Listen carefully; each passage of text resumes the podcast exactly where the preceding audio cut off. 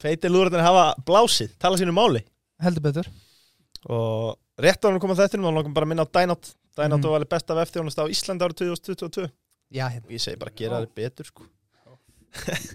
en uh, gestur kvöldsins er steingindin Reynir Findal Gretarsson stofnandi kreditinfo, atvinnum fjárfestir og lögfræðingur. Og fættur á hlaupari tökum það fram. Það þarf að koma skýrt fram. Já, Já, já. Vorum eitthvað að fara yfir það þá, það eru betra fólk já eh, þú, þú tókst vel í já, eftir hans þetta þá tók ég betri í það þú ert einnig fættur á hlaupari Birgir uh, en Reynir, hvernig ertu? Ég er fín. Já. Já. Ánæður að vera komin. það ekki Lóksins. Já. Já. Gaman að fá þig líka já, uh, Hvar ólstu upp? Við byrjum bara því Per, Perlu Norðinsins. Löndós. Það er glæsilegu staður já þið voru nú að tala um eitthvað fallega sögur en á hann, ég tengdi ekki neitt. Já, ég er einnig ættaði þaðan. Við, erum- við erum nánast frendu, við reynir, við vorum að uppgöta það fara hans yfir ættfræðina. Jú, jú, við s- sama frændfólki. Já, þú hérna Þú kíkti í réttirnar þar sem við kíkjum einu svona ári. Já, það er skrapat ykkur rétt. Já, Já, ég oft farið þær. oft farið þér Já, ég Já, ætla, já, já. ég ætla að hveta þig bara Ég var farin að fara í þær á hann þú fættist. uh, Ég lakka til að ríða einhvern tímann upp á fjall með þér. En uh, vissir að þú ert fættur sama ár og einvi aldarna fór fram? er já, ég vissi það. Og olimpíuleikarnir í munn hér. Þetta var mjög merkilegt ár, 1972. já, Ég var margt sem gerist og, og afbyrða fólk sem er fætt þetta ár. mm Við, hérna, líklega stærsta ári samt er að reyni fættis myndi ég segja já, já, sennilega Já, Mm. takk, Um, takk fyrir það. Og, og, og hérna, Jude Law er fættur sama dag og ég. Ok, Já.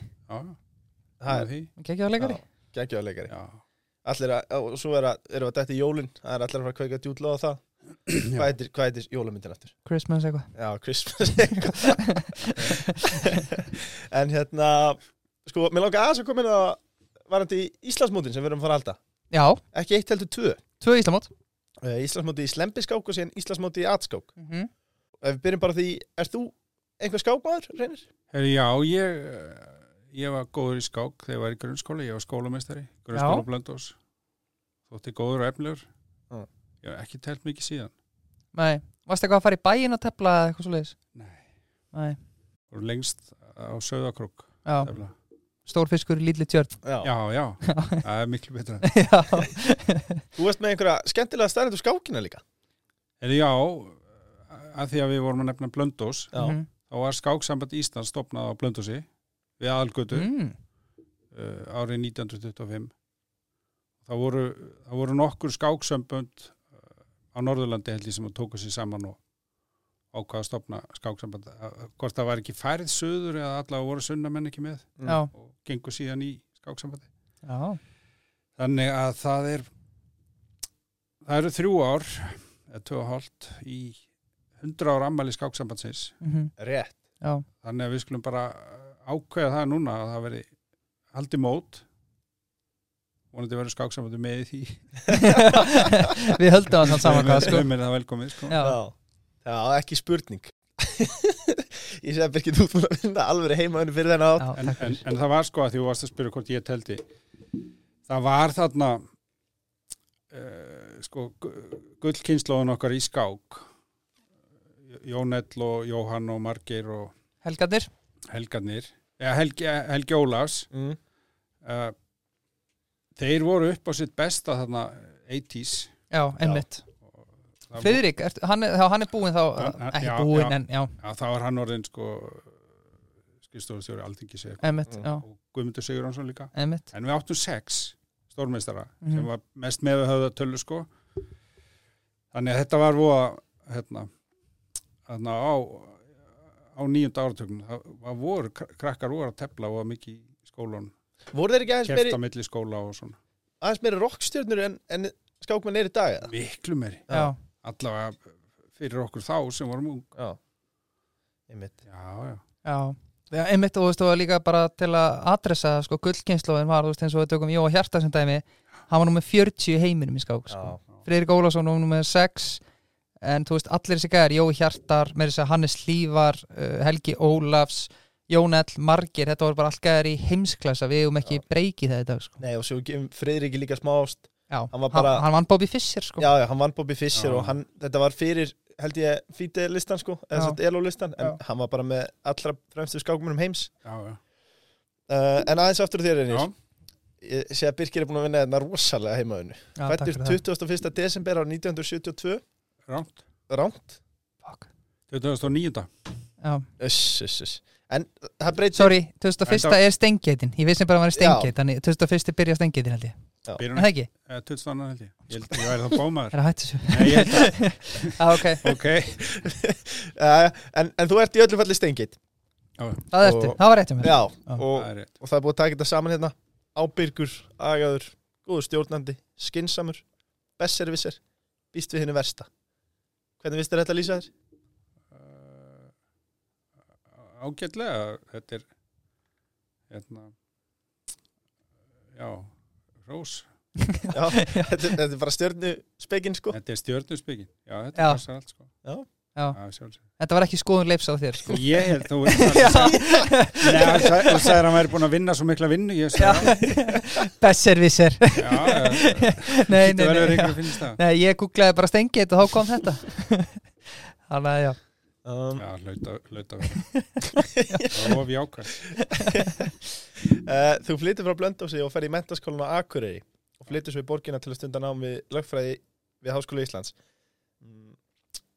Hvað er þessu uppsingar hans? reyndar hef ég heimaðuna bara þessar hérna og þaðan þú varst þarna með Hilmar eða ekki? Ágústinni? Já, og fleiri góðum jú, jú, Já, já, það er hérna Akkurat, uh, hvað tók við eftir lögfræðina? Herðu, þá er sko daginn áður en ég útskrifast á lögfræði þá stopnaði ég á samt fleirum fyrirtæki sem hétt Lánströst Mhm. EHF sem setna var kreditinfo var, var einn af aðlegundunum þannig að eftir háskólanum fór ég aldrei í vinnu hjá neinum öðrum sko fyrir bara á síðast árið þegar ég fór að vinna hjá Salpei Já. En lánströst, þú styrtur að vinna mörg ár bara launalaust eða þú veist hvernig var starðagráðan? sko við náttúrulega byrjuðum þrýr og, og við, við áttum eiginlega peningar hlutafið á 2 miljónir Já, og, og við vinnum bara með svona einhver lámaslaun í, einhverja mánu það tók eitt og hálft ára að vera komnir, komnir í góðum pluss mm Var þetta eitthvað sem að þú varst búin að ákveða, var, varstu búin að býta í þig að- verða ekki að vinna, vinna ekki fyrir mannin, heldur? Verða frumkull? Nei, nei. En ég, þegar ég var í, í, í laganámi þá var ég að vinna á lögmannstöðu svolítið með. Já. og það er ég, mér langaði ekki að fara, verða lögfræðingur eftir, eftir þá, þá reynslega eitthvað sérstætt sem að heillaði ekki? Nei, sko. Ætla, þú ert sko að- blanda svolítið að blanda þér inn í deilur annara Já, þú veist að vera svona bulli með einhverjum sko. Og það er ekkit endilega sá sem er með betri málstæðin. Nei. Nei. fyrir mér er það vandamál. Mhm. svo getur það líka verið þannig að, að, að það, máli fer fyrir dóm og, og, og þú tapar þú, þú trúir í sko að, að, að það sé raung niðurstað sem er oft bara ósengjant að manni finnst. Já, og, og þér finnst það rámt lögfræðilega og eitthvað svona en hann niðurstaðan getur verið svo að öll vinnan og allt er, er til einskís og, en einskís í, í, í raun og veru. Þannig að þetta er svona fyrir mér var þetta svona of mikið svona eitthvað huglægt, þú, þú veist ekki hvað gerist, hver útkoman úr því sem þú ert að vinna gerir eða verður. Mm. og þú ert oft í einhverjum fórræðismálum og einhverjum svona ríkalega niðurbrjóðandi og leiðilegt. Mm þannig að, að hérna, mér langaði í, í eitthvað annað eða ég var tilbúin allavega í eitthvað annað. Já, einmitt, eins og þú segir kannski, þú veist, framtíðin þín eða þú veist, þín vinna kannski ekki í þínum einu höndum? Nei, En, en þið farið sem að þrýr vinnirnir um, já, bara nokkuð blöytur á bak við eirun eða ekki, eftir, eftir mentaskóla og hérna eins og þú segir, það tekur eitt og hálft ár til þess að skila hagnaði. Já. um, hvað var svona hvað voru helstu stólparnir hann fyrst? Hvað voru helstu hindrandar sko það sem við við fórum að gera svona, við fórum Já. bara að útskýra það Mhm. svona lauslega þá, þá er sko umhverfið þarna ég rætti á þó að þetta sé ekki nema, finnst mér sko 25 ár síðan, já, þá voru bankarnir þá tveir á þremur í ríkisegu og menn notu yfirleitt ávísana hefti já, uh, korti voru ekki koni í útbreytur notkun. Uh, til þess að fá ávísana hefti þá ekki um að vildi fá yfirdrátt. Það er að segja það var heimil til þess að skrifa ávísun þó ættir ekki inni sko. var það ekki bara sorry, við erum svo ungir það er að vera blöytur bak við eirun Já, já. Ég hef oft pælt í það því við sem betur fer að ekki ég hefur oft vilja að vera með ávísina hefti á mér sko. Ég fegin að þú voru aldrei haft á þessu já, eins og ég eigi penning er, var það bara eiginlur varstu þá með tvennskona ávísanir þar sem þú varst bara annarkot með kassið inn á reikning eða þú mátti þá bara skrifa á þig og þá bara fór reikningun í mínus og þá var bara yfirdráttur Nei, nei, sko, þú, þú varst bara með eina og það kom alveg fyrir og varst einhver staðar. Og áttir ekki fyrir sko. Já. skrifaði samt sko og svo, þú fyrst alltaf smá sekt sko fyrir að fara yfir. Já. og svo rettaði þeir eftir á. Já, svo skrifaði menna ávísan og báði menna geima þeir og eitthvað svona það var, þetta var gaman að skrifa þetta er svona svalt sko, já mjög sko, svalt sko. Mhm. hendinni hérna. Við erum með góða tjekkabúk dragana fram úr vestisvasanum. Já, já, það var ekki alltaf verið að falsa þetta hvað jú, jú, jú. Já, og þú týndir heftinu, það, það var einhver að fara að nota það á næsta bar sko. Það var, máttur þú kaupa bjór með þessu? já, já. Já, ok. Það er bara greiðslu miðlinn sko. En, en síðan var, það, sko í tengslu við það kerfi var, var svo kvæða ábyrðamannakerfi Já. það þurfti alltaf einhver að ábyrgjast þig. Já, yfirleitt einhver sem átti fastegn þannig að það var sko þetta var ekkert eins og í dag þú bara sækir um lán og fær lán ef að þú ert að tjekkað á þér. Og þannig að það vantaði þannig að geta tjekkað á Mm. hvort fólk væri í lagi. Og það er stundum þannig að að það er svona þeir finna meira fyrir þessari starfsemi þeir sem að, að hún hindrar einhvern veginn. Ef, ef, ef það gert hjá þér árangurslöst fjárnám þá, þá færðu hverki lánað og það Einmitt. er út af því að eh, það er haldið utan um þetta miðlagt og þeir sem er að lána þeir tjekka Já. og það er hægt að kenna okkur um það þú veist.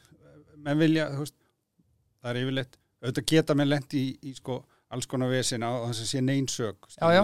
tímabundi að hilsubreystur og svona sko en yfirleitt tala menn um það að þeir lenda í gjaldtrótt og þeir lenda í eins og, eins og stýr óvart í eitthvað sko og stundum finnst mér aðeins vanta upp á ábyrðina já, og menn hvart yfir- því að þeir sem, þeir sem borga sko lánin sín og, og skattana sína, þeir borga fyrir hinna einmitt.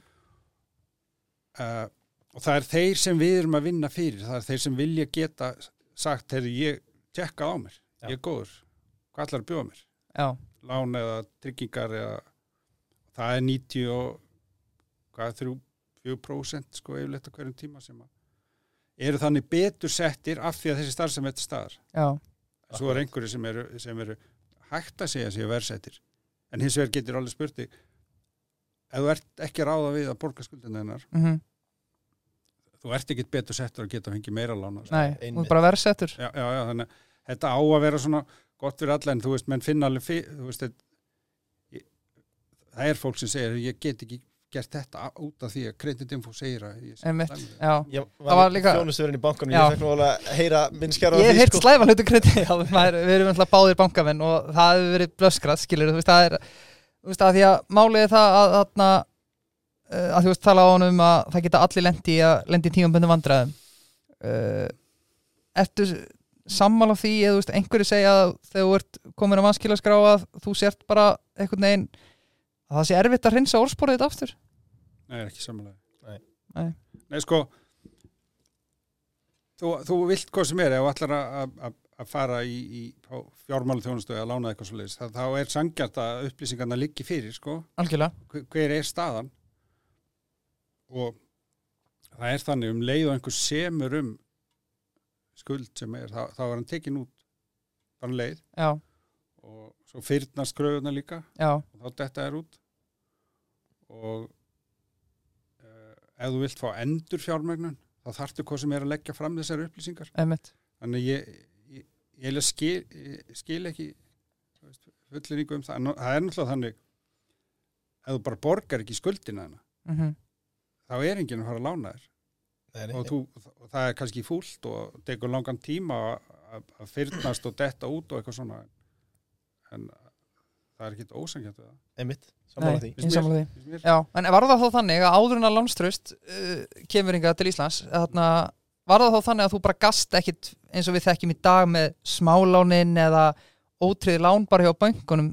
Þú þurftir að vera með, veist, þetta var bara svo tryggingabref af því að maður er oft búin að heyra til dæmis eins og með námslánin í gamla þetta, það var alltaf ábyrða með það baku því veist, að það, það, var, það var öll lán voru ábyrða menn og já, oft voru menn með víksla Mm. kom, komst með víksil og lest ömmun að skrifa víksil og, og þegar, þegar við byrjum þá voru mjög margir sem hefur samband við okkur og voru að segja "Heyrðu, takk fyrir að vera komin þannig því að þú veist, ef þetta hefði verið þá hafði ekki skrifað hérna upp á fyrir kærasta dóttur mína sem reyndi síðan vera sko algjör haugur og, en, og, og það, það var heldur þá ekki komin þessi löggjöf sem að verndar ábyrðamenn eins og, eins og í dag. Núna áttur rétt á að vita þú veist, ef þú ert að fara að ábyrgjast fyrir einhvern þá áttur rétt á að vita.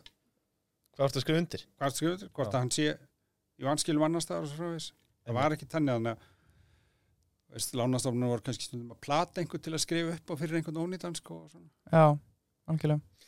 Þetta var þetta var það var margt mjög vond í þessu og svo náttúrulega var líka þetta voru ríkisbankar. Já, þá, þá var náttúrulega svona, svona vinakerfi og þú veist, þetta er réttum flokki og allavega sko, til að fá lána en var ekki erfitt á þessum tíma því að, veist, internetið það mætti að með það það, það er einmitt, það var hugmyndin og nota þetta, þessa nýju þetta nýja fyrirbæri, Já. inter, interneti til þess að, internetið, já, já, já, til þess að, að sko, sem leið til þess að nálgast gögnin, Já. það var, það var sko, áður en að við byrjum þá var til svo kallega svartur listi það var bók, prentu bók og hún var fet á þygt líka við sko. Þú gæst bókstaflega lent á svartalistan Já, og þetta var bara kallað svartilistinn og, og sko það var hins vegar ósangjant af því að sko það sem að það sem Credit Info gerir það er bara það, það upplýsingarnar settar í gagnagrunn og menn fá tilkynningu um það og geta bröðist við. Síðan er, er reikjanlegt hver fær upplýsingar. Og ef einhver fær upplýsingar um því þá ertu látið vita. Emmitt þannig að menn verða að hafa þarna voru menn bara með bóka fletti yfir hann og sjá nýri þessi hérna. Já. og svo náttúrulega verða mistök og allavega og, og nafnið þetta er bara einhver bók og þú varst á á tenni þegar bóðunin kom og vissir ekki og, og, það í bó- og verður alltaf í bókin og þú veist ekkit hvert hún fer sko. það var, var ósangjart kerfi. En þú veist ég, ég er náttúrulega að segja veist, ég hef samu með fólki sem að veist, þe- þetta getur verið alveg hræðilega erfitt að- að missa stjórnin eða, eða, eða semst, ná ekki standa við skuldbindingar. Og, og, og þú, þú, þú, það er sko mjög erfitt tilfinningarlega og, og, það er eðlert að fólk reyðist út í síslumann eða, eða einhver, eitthvað innheimtu fyrirtæki eða, einhver, einhver lögmannstofu eða hver sem það er, kreditinfo eða bankin sem að vill ekki lánaði meira eða sem heimtar að fá greitt og að þau fari út úr hús. Þetta er allt saman rosalega erfitt sko. En, en við erum að tala um sko, samt þetta er allt saman kerfi sem að við fundum ekkit upp, þetta er svona bestu kerfi frá Evrópu mm og, og, og besta löggjöf frá Evrópu líka hér sem gildir um personvend og bankalind og, og, og rétt innhendu lög og það, það er verið að reyna að gera þetta eins vel og hægt er án þess þó að, að, að það verði of ósangjart fyrir þessa 93% sem að borga já. Já. Ég finnst líka gott að ég fæði skjót inn í þarna ég held ég sé ekki að segja neitt fara með hennar fleipurina en við tókum við þáttum daginn með Hjálmari það sem að hann talaði um bara ofnbæra bara þetta um okkur að, veist, að hann lendi í tímanbundi í greitlu vandræðum og lendi á vanskilaskrá og einmitt held að lífið væri búið Já, og svo vaknaði hann daginn eftir mástu og leita hann fyrir framann húsið sitt. Það var engið þar, lífið hefði ekkert breyst þannig og hann náði að kópla sig, eða, vinna sig út úr þessu. Þú veist, það er oft þannig að uh, einstaklingar haldaði fram að þeir vissi ekki að það vera á uh, vanskilaskrá. Þú, þú færð alveg ansi margar viðvaranir eða ekki? Jú, jú. Bæði frá kröfuháanum og, og ef máli fer til síslumans þá færði bóðanir og, og ef þetta er hins vegar mál það sem er bara kröfuháin er að tilkynna þetta beint þá færðu bréf áður. Mm -hmm. svo, svo, svo færðu bréf ef einhver fær upplýsingarnar hvað upplýsingar. En þetta getur gerst sko. En mér finnst, það, finnst það, er, ól, það, er, það er svona mjög ólíklegt. Hæ, hæpið og nú ef það gerist þá er hægt að reka nákvæmlega hvað gerðist. Já, hver fekk upplýsingarnar? Koma leiðritingu framfæri laga allt. En voru þið að renna blind í sjóin af því að einmitt þið voru að treysta á interneti til þess að sækja öll þessi gögn? En vissu það að væri hægt að gera já, já. það? Já, en þetta er hins vegar sko það var líkillin að setna að, að, að við gátum farið með þessa þekkingu og tækni til annar landa. Það var að, að sko við vorum eina vestur Európa-landi þar sem var ekkert svona. Ekkert almennlegt kerfi, bara einhverju listar yfir fjárnám og, og, og e- ekkert verið að skiptast eða, eða kröfu hafa einhvern veginn að geta fengið upplýsingar um hvort þú hafið klúður á málum annar staðar. Já. og það, það leiði líka af sér að þú ert í svona, svona vistarbandi hjá þi, þinni lánastofnun. Þú getur ekki farið í næsta bank og sagt ég er góður.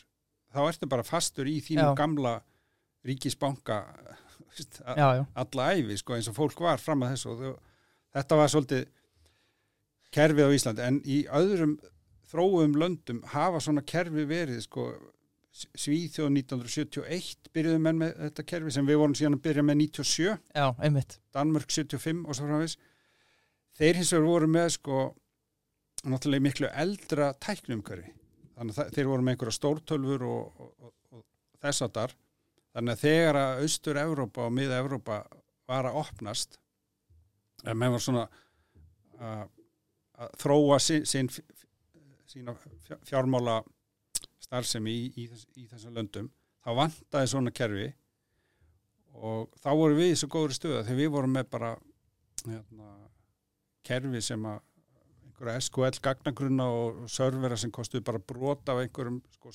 IBM stórtölum sem að var að vera að keira í, í Breitlandi og Svíþjóð og öðrum löndum. Þess vegna gáttu við flutt út okkar okkar kerfi til þessara litlu landa. Já, það var semst það sem við gerðum síðan 2002 byrjuðum að fara til annara landa með, með kerfi okkar raunur og setja, setja upp í öðrum löndum og sapna upplýsingum og, og, og fara að auðvelda fólki að fá aðganga fjármagni. Það er, það, er sem við gerum.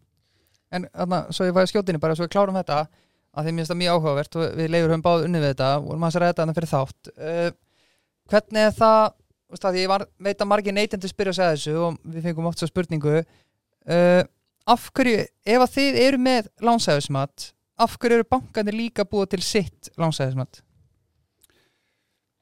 sko þeir uh, það er svona aðeins, aðeins mi- mismunandi í hvað tilgangi uh, matið er framkvæmt uh, greiðslu mat út af fastegnum er yfirleitt staðlað og svipað mm -hmm. og þá getur, getur við alveg framkvæmt að mat ef við fáum öll sömu gögnin. Það er bara einhver tölva sem að reiknar út út frá gefnum fórsendum og það er til minnst þannig að, að hérna, greiðslu mati í Arjón sem er það besta á Íslandi þeir fengum mér sér alþjóðlega velun fyrir og er helviti gott. Það Já. er bara kreditinfo kerfi einmitt, sem kreditinfo bjóð til. Uh, hins vegar er átt að tala um hérna, einhver, einhver önnur lán sem ekki byggja svona mikið á tryggingunni sem veð er bara einhver, einhver neytendalán til dæmis þá viltu hafa sem mestar upplýsingar. Mm og það er þannig að, að lánastofnun kann að hafa einhverja, upplýsingar um þennan kuna eða svona kuna allavega einhverja upplýsingar sem að fyrirtæki eins og eins og uh, kreditinfo er ekki með. Þannig að það er og svo er kreditinfo með upplýsingar sem bankinn er ekki með. Já, þannig að besta niðurstaðan fæst með því að nota bæði. Já, og, og það er auðvitað það sem að uh, starfsemi sem felur í sér áhættu hún gengur út af það að reyna að mæla þessa áhættu já, og verðleggjana og í, í, í raun og veru ættu allir geta fengið lán líka þeir sem eru gjaldóta en þeir bara eiga að borga meira. Já, en, en, en ef kerfið eru svolítið stíft og segir að það eru einhverju ríkisvextir sem allir borga já, þá verður niðurstaðan svo að, að það er bara svona eitthvað cut off þessi fær og þessi ekki. Já. en í raun og veru og þannig að er hluti af styrk bandaríska hagkerfisins það er bara óbúslegt spredd á eða dreifing á vöxtónu sem er borga já, ef þú ert sko mjög áhættu saman þá ertu bara að borga 20% vexti. Já, en, en einmitt. því, því, því að það, það þarf ekkit að vera að, að sá sem að er gjaldróta eða búið að gera fjárnum hjá að hann mun ekki borga lána Nei. tilbaka. Og ég hef mér segja veist, lána fólki sem er gjaldróta persónlega og fengið það tilbaka. Það, það þarf ekkit að já, það þýðir ekki að mun ekki borga. Það þýðir hins vegar tölfræðilega séð, sögulega séð að það er meiri líkur að það það ekki.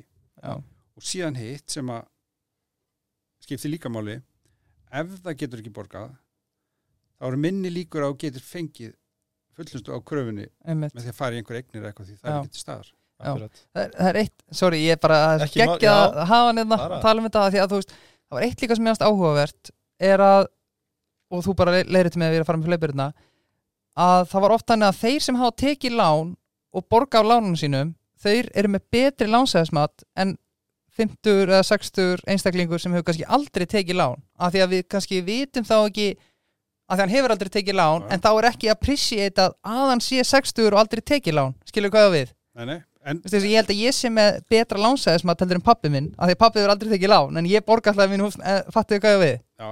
Það- en, en sko bara gögnin sína, þau tala og ráða á endanum og, og, og jável að segja mér okkur líkar það ekki að, að, að, að það sé einhver tölva sem ákveður þetta. Þetta, þetta er ekki hérna, þannig vísindi. Þetta er kannski svo einn orðað með annað hérna, veist, þetta, þetta, þetta er sko list fyrir eitthvað, Já, já, já, eitthvað annað.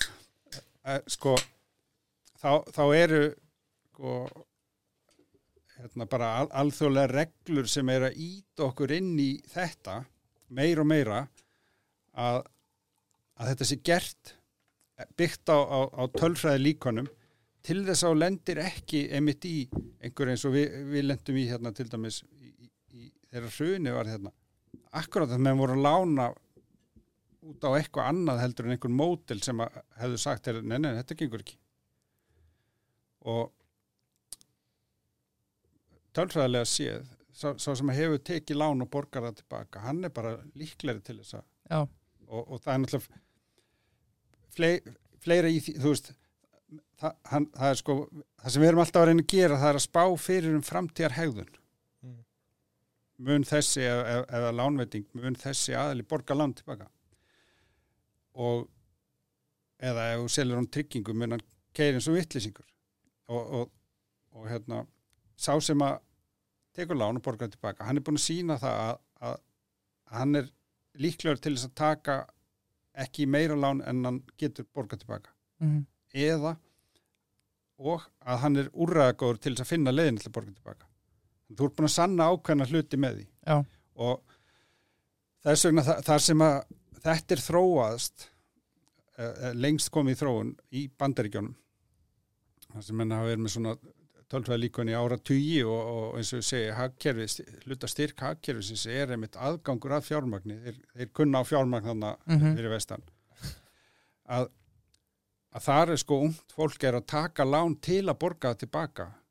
Já, já, til þess að, að, að hérna, halda kreditreyting halda kreditreiting sko, en, en sko út frá bankanum þá getur bankinu þess að erðu er verið að plata mig hérna? Já, eða er ég að þjálfa upp já, góða greiðendur, góða skuldar hann lærir það, hann tekur láni hann fær peninga, hann á ekki að eyða þeim bara. Nei, og, og, og, og þetta er sko vandamál í vanþróa aðri löndum eins og til dæmis í Afríku að það er opnað einhver lánamöguleiki það fara bara allir og sækja hann fría pening sko. Já, já, eins og þeir að borga tilbaka já, það, já, maður er ekki búin að pæli því sko. það var engin menning og engin þekki gás já, algjörlega. Mér, mér langar aðeins að stikla stóru ef ég bara fæ að hamra á nokkrum punktum. Ég fann svo geggja að fá til dæmis kreditinfo í, í sögulegu samengi og, og aðeins eins og við tölum um að mér finnst það bara sangirni að, að sagt, fólk sé bara dæmt af verleikum og á þeirra eigin viðskiptasögu.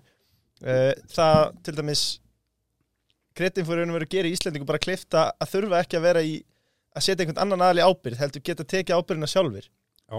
sem er mjög flott og mér fannst líka skemmtilegt sko uh, þegar þú talaður um sko þegar þú byggir viðskiptasögu við eitt banka og getur ekki fært þig af því að þegar ég var í þjónustöðurinn það var mjög oft sem að heldra fólk ringdi inn og, og, og hamraði svo mikið á því að þetta væri minn viðskiptabanki, ég er búin að vera hann í 50 ár en ég horfi á banka í dag bara í því umhverju sem ég var að stupi í og ég hugsa bara, þetta er bara banki sko, ég skipti bara, Já, en það er bara út af þessu það er út af því að það er miðlægur staður sem geymir þessar upplýsingar um mig Já. sem er alltaf bara mjög töff sko. já, og þú getur bara fært þig á morgun sko. Akkurat um, Þa, það er sko það er síðan að, svolítið áhuga umræða sko hvað er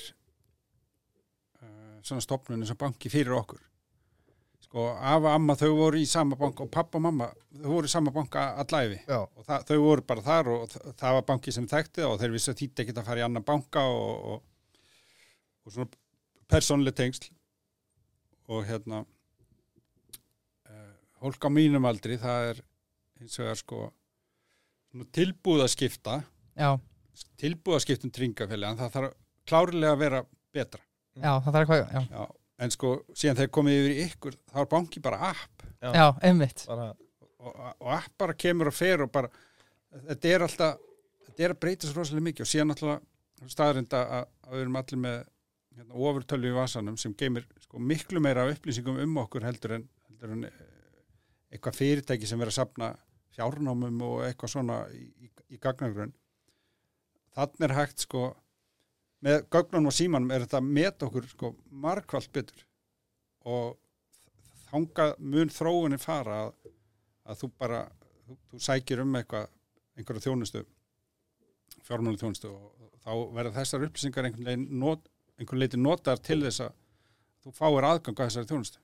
Þannig að þú ert að segja mér að, að bankastofnanir sé að fara að fletta upp því sem ég er að leita upp á netinu og ég fái aldrei lána aftur eftir Það var aldrei lán. Ég, ég, ég, ég, ég, ég veit ekki hvort það mun fara yfir það en sko það, er- það, er- það er til dæmis í, í hérna hérna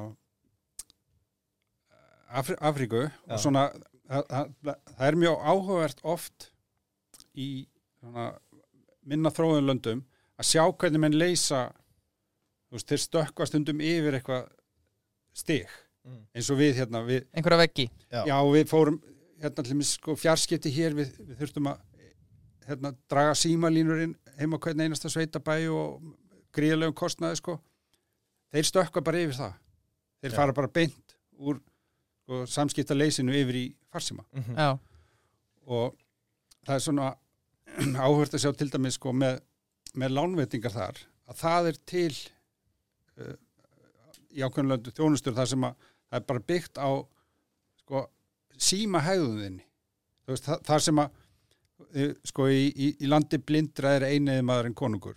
Já, þannig að sko ef þú hefur engar upplýsingar þá, þá, svona hefðbunnar lána upplýsingar og hva, hvaða upplýsingar get ég nota til þess að reyna einhvern veginn að veita einhverja þjónustu það sem traust skiptir máli? Leifa fólki til dæmis að að fá farsíma án þess að greiða fyrirfram það eru tífalt vermaðari kunnar heldur en þeir sem kaupa kort og er með fyrirframgreita. Já, við erum að tala um og þá erum við að greina gögnin á símanum það er einu gögnin sem þeir hafa. Þá kemur til dæmis í ljósa að hlutir eins og að þeir sem ringi mömmu sína þeir eru mjög líklega til að borga skuldina sína. Já, því ofta sem þú ringir í, mömmuðina því líklega ertu til að borga. Og, og hérna það eru alls konar svona upplýsingar sem að þú getur sagt hérna, ég er tilbúin að leifa þér að fá að, að skoða þessar upplýsingar hjá mér Mm. ef að þú veitir mér þá þessa þjónustu í staðin já, og að sömuleit eru eru sko upplýsingarnar okkar orð, orðnar að sko greiðslumili fyrir löngurönur á sem við tökum eftir í eins og til dæmis sko Facebook við, það er ekki ókipis við höldum, við bara gefum þetta allar þessar fríu þjónustur sko LinkedIn og ég veit ekki hvað og hvað þetta er ekki ókipis, þú Nei. borgar með upplýsingunum þínu sem þeir hafa síðan heimil til þess að nota. Já, og sennilega er þetta bara mjög dýrar þjónustur og kannski, ég, ég býst við að þetta muni fara aftur í þá átt sko að þú segir bara, "Heyrðu, ég er frá að borga. Og þá, þá ertu líka ekki að tróða einhverjum markasefn á mig sko. Já, að það fari með, með, meira þangað. Klárt mál. Uh, Mér er það nú bara daldið fallið tilöksun að, ég fá lán en ég ringi aðeins oftar í mömmu. Ég þarf að vera dölur ekki mömmu til að fá næsta fastæðum Já. já, já, Það er, það er fallið, en, en sko, mér langar aðeins að koma inn á aftur.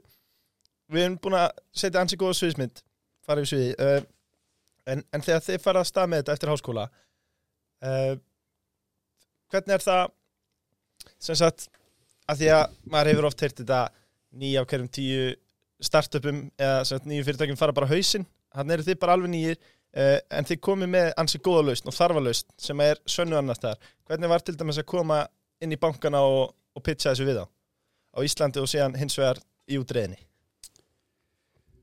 Sko, hann ætla Sko, Matu, ég var 24 ára. Já. Já, ungur. Já, í einhverjum sko dressmann jakkafötum að lappa inn í einhverjum banka og hitta sko einhverjum ríkisbankastjóra Já. og segja ég get sagt þér hvernig þú getur gert betur það sem að þú ert að gera. mhm, Það var náttúrulega ekki ekkit sérstaklega þægilegt sko Nei. og ekkit auðvelt og tók svolítið tíma. Það voru margir sem sögðu, hvað er já hver ert þú? Hvað er þetta? okkar? Já, Fa- farið að tala við og, og sendum hann einhvers stað lengst niður í, í, í, í, í struktúrin sko. Já, ekki senda mér post senda mér bref já, þetta var, já, já, voru, sko, þegar ég var að byrja, póstar, þessi tölvupóstar voru ekki mikið notaðir. nei, Ég, ég sendi minn fyrsta tölvupóst eftir ég stopnaði fyrirtæki sem var, sko, á internetinu. mm. Var- Þannig ég var alveg, ég vissi ekkit hvað ég var að gera, sko.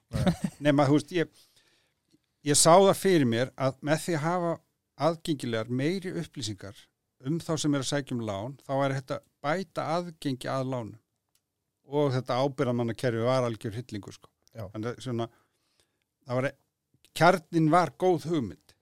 Og þá er bara að, að hérna, bara fara nógu oft, sko, dropin móla steinin Mm. og þú veist og ég var alveg saminskjölaust með það. Það var sko til dæmis sko afi minn sem var á nýraðisaldri þá. Ég vissi að, að sko hann átti frænda sem var að vinna í einu bankanum og ég hafði reynd að ná í hennar frænda að hann var hátsætur sko. Já, og hann hérna svaraði mér ekkert. Ég vildi fá fund. Heyrðu, við afi ákvaðum að fara bara í heimsók til mannsins. Já, og ég fór bara með honum. Og hann afi sagðist, ringdi, ringdi í, í hennar frænda sinn og sagðist allir komið heimsókn um kvöldi og við kerum hann út á seldenninni síðan innbílhús hans og löpum inn og afi kynnti mig og ég sagði hérna er ég búin að reyna að ná þig. Komin inn í stofu sko. Og það svinvirkaði sko. Já, veist, og að, þú veist að, hann hérna hló bara svona fannst þetta gaman að þessu. Að, þú veist, en, en svona þartu harðfylgni. Já, þú veist, ég, ég var það stund þannig í svona, þegar þú ert með eitthvað svona alveg grænt, þú ert, þú ert með engar tekjur, þú ert, að, þú ert að koma með eitthvað sem, þú getur ekki sagt, er ég er að gera það sama og þessi, nema aðeins ódýrara eða aðeins betur eða með betra app eða eitthvað svona eins og, eins og oftast er menn prjóna við eitthvað sem er til fyrir. Þú ert bara að koma og segja, hérna er eitthvað nýtt, þú ert að fara að nota internetið, þú ert að, nota, að logga þig inn og, og fletta mönnum upp og eitthvað svona. Þú ert að hætta með þessa viksla og, og þú ert að fara ert með hérna, bygginguverðarveslun, þú ert bara að fara að leifa einstaklingum að bara skrifa hjá þér og þú veist, þeir eru að byggja einbílshús og það er ávinningurna að menn getur bara tekið út efni og svona þú selur miklu meira og það tala um svo, reyna að breyta svo rosalega miklu. Að það þarf bara að vera sko motherfucker sem að er að leiði þetta. Það þarf bara að vera einhver og ég, og ég þess segi ég stundum sko og nota þetta því hún síðan svolítið vera fjárfesta í í einhvern svona nýjum fyrirtækjum og, og reyndar var það síðan þannig að sko ég, ég, ég hef stopnað fyrirtæki yfir 30 löndum og jáfnverð þó sett með sömu hugmynd þá eru vandamál yfirleitt að sömu og lausnin er yfirleitt alltaf sko þú ert að vera með einhvern alveg grjótaðan djöful mm. kallega konu konun eru ekki síðri þú finnur það harðar sko sem er bara að, banka á hurðir og, og, og bara síðasta sem að við komandi hugsa um þegar hann fyrir að sofa það er bara hvernig kemst ég eitt skref áfram og þetta- er bara þess vegna er bara hérna, klikka svo mörg fyrirtæki af þessum startupum sko, jáfnvel þau séu með góða hugmynd og gott fólk og allir klárir og allt fallit og gott þá, það bara þarf svo opbáslega hörku, siglu og þrjósku og svona það verður sagt um mig að ég sé sennilega einhver einhverfur og eitthvað sem ég get bara, veist, aldrei bara áfram, áfram, áfram, áfram alveg þannig til að veist, menn gefast upp og segja, að ok Já. en, en það er svolítið það sem þarf og það, við, við vorum þannig þrjóskuðust við og, og, og þú veist, ég, var þarna þú veist, við við vorum með listan yfir þá sem voru búin að kaupa þjónustun okkar til að sína já, Já, að því að sko þetta er svona það sem er kallað á ennsku svona social proof ef aðrir gera þá Mhm. er mér óhætt það er svona. Já. þannig að þegar að þú veist þegar að kom eitt A4 blað þá hætti ég að fara með blaðið að sína öllum, þá get ég bara sagt er, við erum með hérna 20, 30 Já. og þetta var svona Að já, fyrst og einmitt. síðan já, síðan alltaf fór að gera sko að þú veist að einhver sagði nei og svo hafði hann samband setna og sagði, heyrðu, það er farin að koma alls konar skrítni gaurar hérna og vilja fá að skrifa hjá mér Já. Þú veist, þá var farið að vísa þeim frá annars staðar Já. sko. Varstu einhver tíman á þessum tíma þegar þú horfður tilbaka, hrættur um að einhver myndi reyna að stela þessari lust Nei. Þetta, þetta er sko það er ekkit það snjált í þessu eða nýtt og ekkit nýtt undir sólinn það er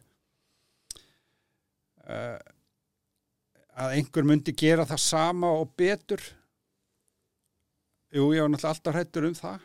Það er að segja uh, sko, að, að, þú, þú þarft að hegða þér eins og það sé að opna nýtt fyrirtæki í næstu viku. Já, að gera það sama þú ert að gera. Og jáfnvel sko með fólki sem er nýjút skrifar háskóla og er betra á ákveðinu sviðum. Þannig að þú þarf bara að vera það er bara gæðin á vörunni og, og, og, og þjónustan og verðin bara alltaf, ef það er í lagi þá þarf ekki að vera hrættur sko. Já. en, en, en um leið um leið og sopnar eða eitthvað verðinum þú veist, og það er bara þannig. Kreit Info á Íslandi til dæmis, þetta er 25 ára gamalt fyrirtæki. Og það er ennþá allt fullt af sko nýjungum sem hefur verið að gera allt fullt, þú veist, ef þú kemur þetta inn, það er orka og þetta er, þetta er fjártækni fyrirtæki. Já. stopnað á síðustu öld. Og hérna og þar er sko, þar komum við að sko hinu hlutan með að svona líki hluta í í að því að við erum, farin að, við erum að tala um sko startup, Mhm. það er sko menningin. Já. það snýst allt um menninguna hvernig menningu þú skapar og það hellimist tóst vel þar. Þar er fólk sem að vill bara berjast og hafa fjör og, og veist, það vera gaman. Já, veist, eða e, e, leiðilegt veist, þetta snýst svolítið um að hérna, á þess að ég ætla að vera sko, of nýjaldalegur að, að búa til sko jákvæða orku í kringum það sem er að gerast á milli fólks á vinnustafnum og þú veist, það er engin að tala illa um einhvern annan og fólk hjálpa stað og eitthvað svona það, menningin býr þetta til Já. og einhvern passar ekki inn í hann þá þarf hann að fara þannig að líkilatrið fyrir þann sem að að byggja upp eitthvað stórt það er að finna fólki með sér Mhm. sem að deilir þessum gildum og þessari menningu þannig að það, það frekar það heldur en einhverju sem eru til að vinna ógislega lengi og veist, ég til mis frekar lagt áherslu á það að menn vinni ekki á lengi gæta í apvægismilli sko vinnu og fjölskyldu. Ég, veist, ég er ekki að senda á, á, á, á mína framkvæmdastjóra eða stjórnundur tölvupósta á kvöldun um helgar sem ég allast til að fá svar við. Er eiginlega aldrei, eiginlega aldrei haldi fundi um helgar til þess nei, það þarf ekki, á ekki að þurfa. Bara, mér langar að taka eitt persónulegt dæmi fyrst við erum að ræða kúltúrun hana sérstaklega í kreatífó, ég fór náttúrulega í viðtalarna einu sinni, já, já. Það var á hábúndi COVID. Þau tóku rétt ákvörðum þar. Já, ætli það ekki. En hérna ég, ég mætti þetta, ég verði viðkjöna ég hugsaði bara, ég, eina sem, ég var þá búin að vera að starfa sem þjónustuvildur í, í landsbankanum og var, þetta var aðalega svona neikvæð upplifun út af því að það voru svo margir hringin sem að voru að pæli hinn á þessu varandi sem sagt, einhver, lánsæðis einhvernina sína uh, og, og síðan mæti hann á fund og ég sko, eftir viðtalið þá var ég gjörsamlega seldur, bara bæði á það var bara fútspalbor, það var ekkit margir í vinni eins og ég segja, það var COVID en það var bara, það voru allir það voru allir léttir enn sem ég hitti það voru, og bara, og bara úst, andin sem ég upplýði bara í starfsvitalinu var bara mjög góður sko.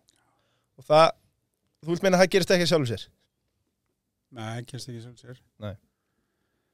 En sko og kemur réttu minningunni einhvern, einhvern veginn gang mm -hmm. þú veist, þá, þá sér hún svolítið um sig sjálf. Já, Þú veist, árangurinn hann kemur sem afleng af því Mhm. svolítið mikið. Klart mál. Finnst mér sko, en Já, já. þú veist, svo ég, ég til taki fram sko, ég er, ég er bara lögfræðingur og, og með mannfræði mentun ég er ekki sérfræðingur í stjórnun, ég bara upp, ég bara segja frá minni, Já, já. minni reynslu þannig að sem að hefur sko ekkit minna verið mörkuð af, af mistökum sem enn hafa reynd að læra af. Tökum það, þessi spurning á að koma setna en hver myndur segja að vera þín stærstu miðstök í stjórnumfræðilega séð eða rekstrafræðilega séð í sögu kreditinfo eitthvað sem mannst eftir sem er ah, ég hef ekki átt að gera þetta, ég læra þessu Sko, í greitinfo, já, sko, ég, ég var alltaf stífur, alltaf harður fyrst. Mm. Gerð kröfum fólk mættu réttin tíma og væri að vinna mikið og, og, og, alltaf að og, og veist, taugarnar á mér þegar fólk var að mikið að kjafta og svona. Þa, það, var, það var ég of stíf, sem sagt, það var mistök, síðan held ég hafi orðið of slakur. Ég er að vona að ég hef síðan svona, veist, pendullin hann fer fram og tilbaka og þú finnur, það er einhver svona einhver svona, svona sweet spot, einhver svona leið þar sem að það, sem, það er ákafi án þess að það sé sko streyta og það er sko fagmennska án þess að séu leiðindi. Já.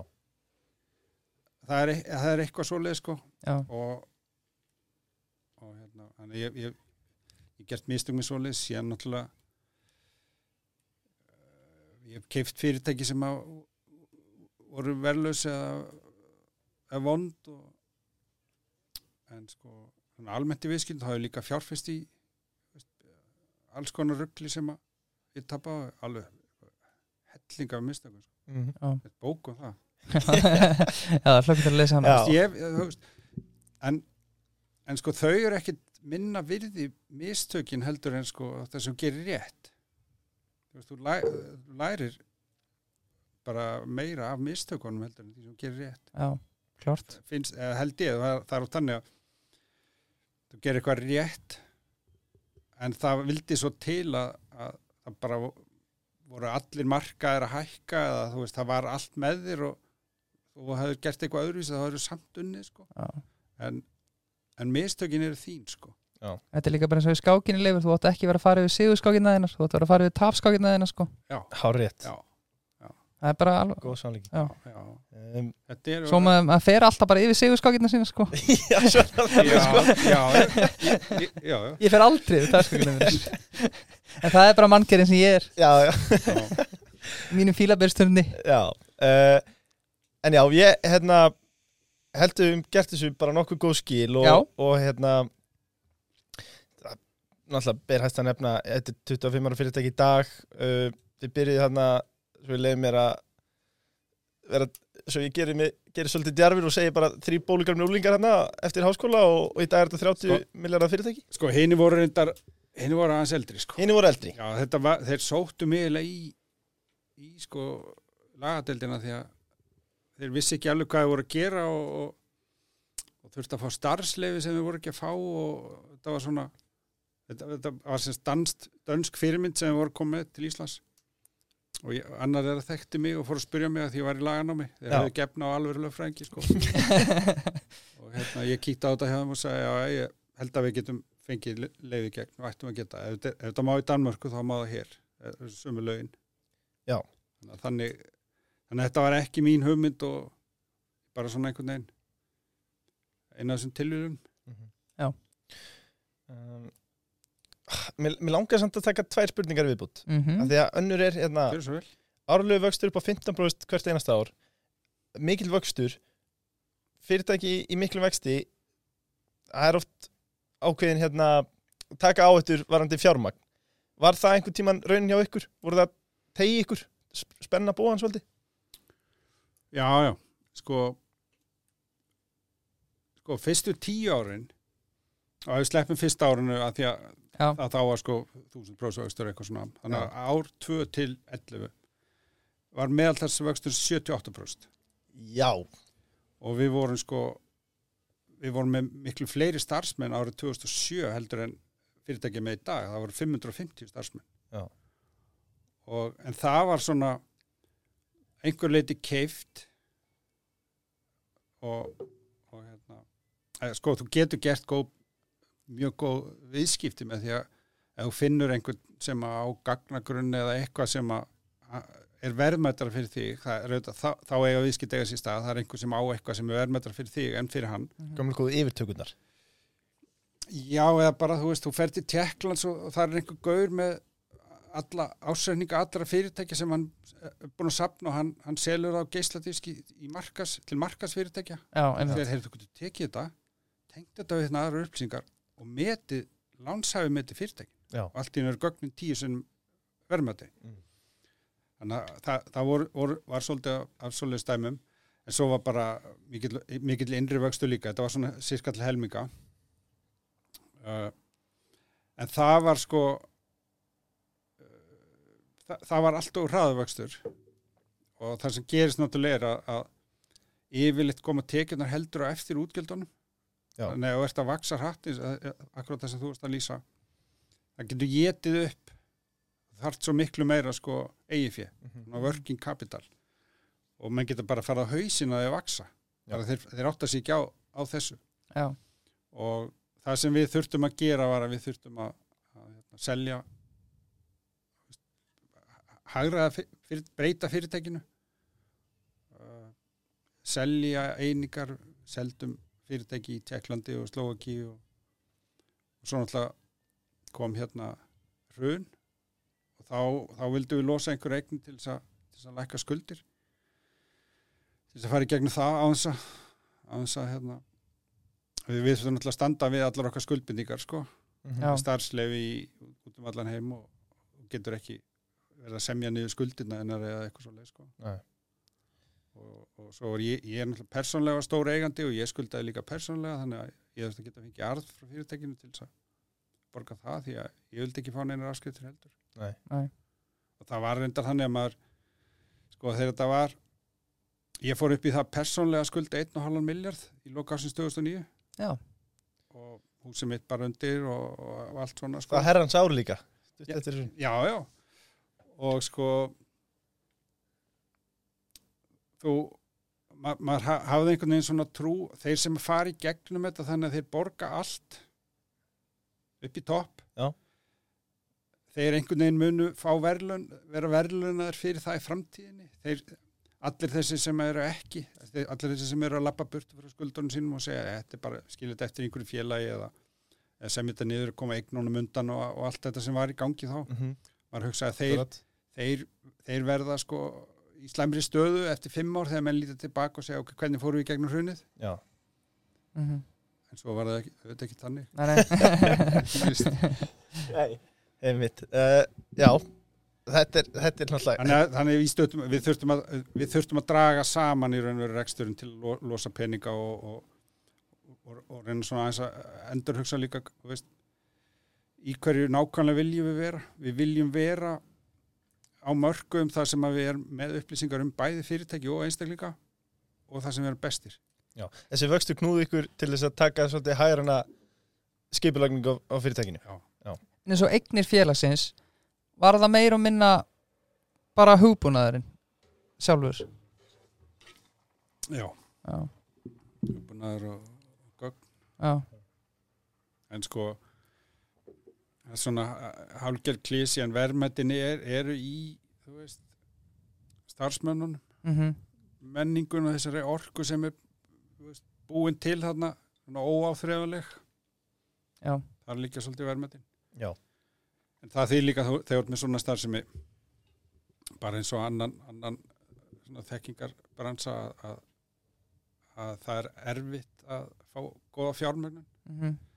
Við hérna sá í Íslandi við þið er nú báðu bankamenn sko. Já, já. Við, við kunnum að lána að að kóti. Það var einmitt það sem ég var að hugsa sko. undir það, Já, annars ekki. Veistu, bara alveg fram á síðustu ár þegar við höfum sagt er já við ætlum að lána hérna. Þessu þó þetta sé eitthvað skrítið sko eða þó við kunnum ekkert á þetta og það er bara ofta að fara illa sko. Já, það er bara nákvæmlega þannig. Um, Til þess að ljúka þessum kabla af þættinum uh, Akkur ákvæmst að hverja kreditinfo þar að segja sem fórstjóru að fara yfir stjórnina. Sko ég bara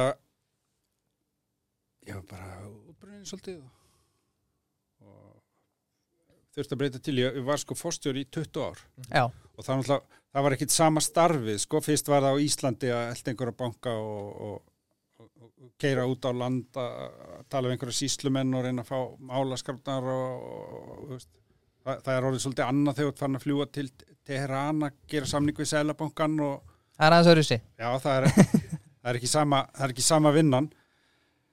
En samt ef þú ert í 20 ár þá, sko ég ætla að því þá að ég væri bara orðin úreldur það bara gæti ekki annað verið að það þyrfti að fá inn einhvern nýjan. Svo er líka bara hann þreyttur, bara útbrunnin. Já, og, og, og hérna, þetta var ég var að vera sko, mest 160 dag ári erlendis. Já. Og þú, þú svona þú finnur það stundum ekki. Mm bara verður alltaf aðeins þreyttari en, en Ertu alltaf í mómentinu bara? Já, já, já, þú veist bara það verður sko 1% þreyttar í, í þessari viku en vikunum undan svo lítill munur að þú veist bara gjörsanlega búinn sko. Mhm. þrammar alltaf áfram alltaf harkir og, og, alltaf þessi ótti sko um að þegar fyrst þegar þú ert að byrja þá, þá ertu hrættur um að, að- klúður þessu og þetta alla æfi að þú er klúður á að fara á hausinu og eitthvað svona, ég sé að núna það er ekki ekkert verið neitt stórmál sko. Nei, svo þegar eitthvað að fara að ganga þá þú veist, ég hef alltaf að tapa sko, er ég gauri sem að klúra þessu sko eins og bara hérna- Kodak, hérna, dæmi Já, Já, þú veist Carlo Angelotti hérna Já. 2000 2005 í hálfleik sko, Já. 3-0 þú veist, öll að tapa. Já, þannig að þú voru alltaf, alltaf ágjur og síðan náttúrulega þegar þú ert með starfsemi sem er sko innviða starfsemi þú berð ábyrð á því að þessi kerfi virki. Að þú ert alltaf e, kemur 12 árs, kemur, kemur eitthvað svona da- data breach lendur í vandræðum með einhver starfsleifi það, það er bara það er svo ótrúlega margt og þó þetta sé ekki risa fyrirtæki í kryddum og þá er það samt á svo mörgum stöðum og tiltölulega flókna starfsemi að það er bara það er stöðut álag Mhm. þannig þannig ég ertu bara ég ertu að fá einhvern annan í það og ég, ég, vildi líka fá eitthvað svona feskara feskara inn Já. og það var bara árið hjá mér og, ég- og svo, svo áttaði ég á mig á því að það sem ég var líka að hugsa var sko ég ætla ekki bara að vera sko kreditinfokallin nei, Nei. ég, ég vil nota það sem að uh, þú veist, ég læriði þar til þess að gera eitthvað sko kannski ennþá stærra Já. Mhm. og eða bara náttúrulega það sem að það snýst að- um alltaf endan það er sko til þess að bæta lífsgæði mín að geta búið til sveigurum fyrir sjálf á mig til þess að gera það sem ég vil Já, og þetta var svona fyrsta skrefi upp á því að því að ef þú stopnar fyrirtæki og, rekur að lengi og allar síðan að selja það þá, þá gera menn alltaf kröfum að þú fylgir með einmitt. í þrjú ári eitthvað svo leis þannig ég þurfti að kúpla mér út fyrst Mm.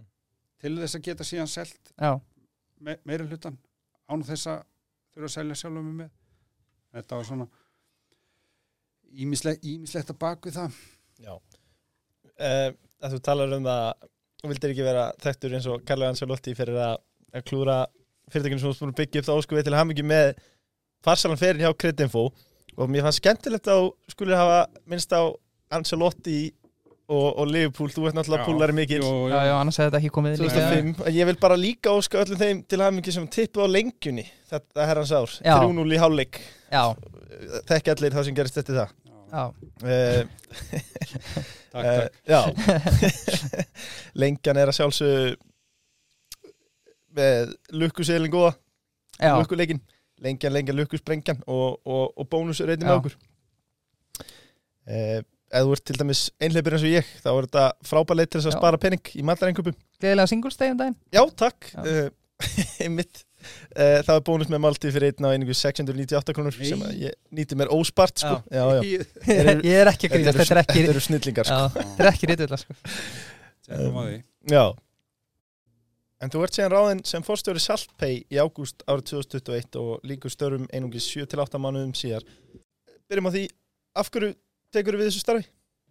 að því að það er vinur minn sem er stjórnaformaður í félaginu sem á borgun Mm. og ég tók svona þátt í því að, að þegar þeir keiftu borgunum sín tíma og, og var stjórn fyrirtækisins, þannig ég var svolítið svona inn í þessu og honum ætti að hjálp þeir voru það voru sko tveir brasilískir menn sem að gerðust fórstjórar borgunar þegar að þeir tókuð yfir Já, og þeir um, gerði svolítið að mistökum. Uh, er mitt mat. Mm og það voru ákveðin hlutir í ólestri. Og það þurfti bara einhvern hann að góðan inn til þess að koma hlutunum aðeins í lag. Það er þetta að laga ferla og reglufylgni og, og starfsmannamáli voru svolítið í ólestri, fólk var að brenna yfir og það búið að vera fjölda uppsagnir þarna sem að aftur og aftur sko. Og, og það var bara búið að tapast þekking sem að vantaði síðan og, og, og þá var fólki sem var eftir að brenna út sko að reyna að leysa vandamáli sem að að- þekkinguna sem var farin. Já, þannig að það þurfti einhvern góðan inn og hann var svona að segja við mig, "Heyrðu, getur ekki fundið einhvern fyrir mig? Og ég sagði, "Heyrðu, ég finn ég finn engan, það er engin til í að fara inn í svona veist, dæmi og þannig. Ég sagði ég, ég geti það, ég, ég, skal, ég koma og, og reyna að koma sér í lag. Og hérna ég lofa ekki að vera lengi bara sjáum að alla fyrirtæki sé ekki að fara í eitthvað rugl. Mm. snú, snúið svo við og, og laga starfsmannmálni og ég, ég, ég, ég við sem að vorum hann við réðum átta held ég að veri starfsmenn sem að hafi verið sagt upp til þess að fá þekkingunum tilbaka. Já, og byggðum upp sko nýtt fjármálasvið og og, og, og hérna, regluvörslu og, komur hlutunum aðeins betra lag Þetta er hrikalega skemmtilegt fyrirtæki på það að gera sko einmitt ég, ég á marga góða vinni sem að vinna hjá Saltpay og þetta- þetta hef virðist vera stefnan að ráða mikið af ungu fólki inn Já. bara ég hef, hef ekki séð hana eins já, úr atvinnulífinu. Mm, hvernig finnst þér það að hafa tekist að ráða svona mikið af ungu fólki Sko það tókst vel að ráða sko. En, en, en þú veist, mín tilfinning var svolítið svo að hérna og líka þetta eru Brasiljumenn og við erum að tala um fótbolta og svona og móti, móti er að byrja eitthvað svona. Það er ekki svo, halda með þeim með það? Jú, ég er nefnilega svolítið, hef alltaf verið svolítið veikur fyrir Brasiljumenn Já, það eru ekki ekki samba. Bara slemt að ég skildi fyr, fyrir mín og eftir. Já, mjög slemt en, en sko, Ég er svolítið, ég er svolítið búin að grínast í félagum mínum að ég er alltaf að töði í Liverpool vinnum mínum. Akkur þau sleftu Darvin líka, það er hljóta að hata Liverpool já. Það er alltaf frá úrkvæð en, en sko hva- hvað var spil já, unga, hérna, Unga unga, fólki. Já. þetta er svolítið eins og þú veist, þú, þú ert með eitthvað lið að þeir fyrirtæki eru bara eins og fótboltalið. Þetta er alveg, alveg, alveg sömu prinsip sem að, sem að ráða og við getum rætt það á eftir. Það kom inn einhver Brasilíum sem kaupa liðið og þeir vilja bara ráða unga strækjara. Já, þeir hafa engan áhuga á, þeir, ég vil bara reka markmannin þeir hafa engan áhuga á vörnin. Hefðu þeir tekið Kristján Ronaldo og hendunum? já, já, Já, já, já, það Sko, þeir er gamall. Já, já, og þeir, þeir svona hugsun var sko og mikil reynsla hún fælst bara fyrir þér, af því við viljum gera eitthvað alveg nýtt. Mhm. en sko þetta kom niður á hérna hugbúnaðsviðinu og fjármálasviðinu og, og, og, og hérna reglufylgni og veist, vörnin í fyrirtækinu. Já, og sko vörnin þarf að vera í lægi hún þarf meira sem að vera það góð að sko þar sem salan og þjónustan er, er, er sóknin að vörnin hjálpi til við sóknina. Já, og það gerur hún þegar hún er orðin virkilega góð. Og það sem þeir, þeir semst höfðu bara áhuga á sókninni bara fullt af ungu fólki við förum út að selja og mikið fjör og saltbeig stemming. Uh, þannig að það þeir náðu því þannig að þú veist mitt hlutur hvað er svolítið að koma og, og bú- búa til vörnina já. og, En- og, afsaki Já. En var þetta ekki líka kannski að því nú er ég bara að hugsa upp átt ákveðin hægræðingar aðgerða því að þau búin að vera með eitthvað kannski 20 ára þá var hann líklega töluvert hærri launaðar heldur en sá ungi sem, sem er nýskrifunur háskóla Jó, ég, sko ég, ég, þeir, þeir voru ekki sem sagt að, að- að láta einhvern gamlan fara og ráða einhvern nýjan inn í starfið hans. Þeir voru meira að segja við Ok. skulum bara fjármálasviðið það er svona nánast, það er hægt að gera þetta bara sjálfur deila meira og minna, þannig að fjármál sem má bara fara, Já, en, en án þess að það væri endilega búið að leysa öll vandamálin sem að myndu fylgja því að láta fólki fara. Já, mér er svo skemmtilegt Það að þú sért að setja í fótboltabúning sko. Já. Þannig að mætti þú og sótti nokkra, nokkra Tiago Silva og fleiri þarna til aðeins að ná balasnum í gang. Já, já, Heitt Jordan Henderson á miðuna og já, já. já, nokkra svona gamla, þe þeir voru með, meðalaldur þeirra sem að ég fekk inn aftur var ansið mikið herri en allan ekki tvöfaldur þeirra sem að þeirri Já, Já, en það er sko þannig er góð lið sko. Já, Þa, það, það er blanda af og, og náttúrulega lið sem að eiga, eiga að vera góð líka í framtíðinu það þarf, þarf mikið ungu fólki en sko það þarf, það þarf líka þessa eldri til þess að læra af þeim sko Mhm. og síðan er svona það er svona að ef við tölum á, um, um sko menninguna að það er ákveðin svona stopnana menning líka sem fylgir með svona við kaffivélina og, Já, já. og svona, svona eitthvað svona fílgút sko sem að má ekki bara rífa upp og henda út sko ef þú vilt breyta sko það er náttúrulega svona íslensk fjármálastofnun sem er 40 ára gömul mm hún er með ansi mikið annað hugafar heldur en sko Brasilís nýsköpuna fyrirtæki já, og ef við höldum að við Íslendingar séum vildir sko, veist, að bara æðast að hans að plana sko veist, þá höfum við ekki kynst Brasilíumun já, halda kaffibóllanum Já, minn þeir eru bara sko. Þeir, Eða sampabolti í fyrirtækjana líka. Já, það er það sko. Það, það, það er það. Þannig að sko já, þú, þú, þú getur auðvitað skipt út gömlu menningunni fyrir nýja og eitthvað svona en þú getur ekki bara rifið hann og hendinni út og veist ekki alveg. Nei, og, og, og, og, það er náttúrulega ba- bara þó nefn fyrir þá staðrænt sko að, að sko fyrirtæki er sko veist, önnur, önnur samlíking er lífverða sko sem er í einhverju vistkerfi.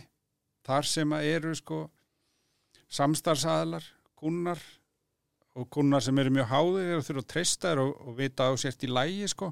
Ef allir eru farnir, póstandi bara komið tilbaka ég er hættur og það prófur hinn og er hann er hættur líka, sko, hver á að Já, hjálpa mér sko?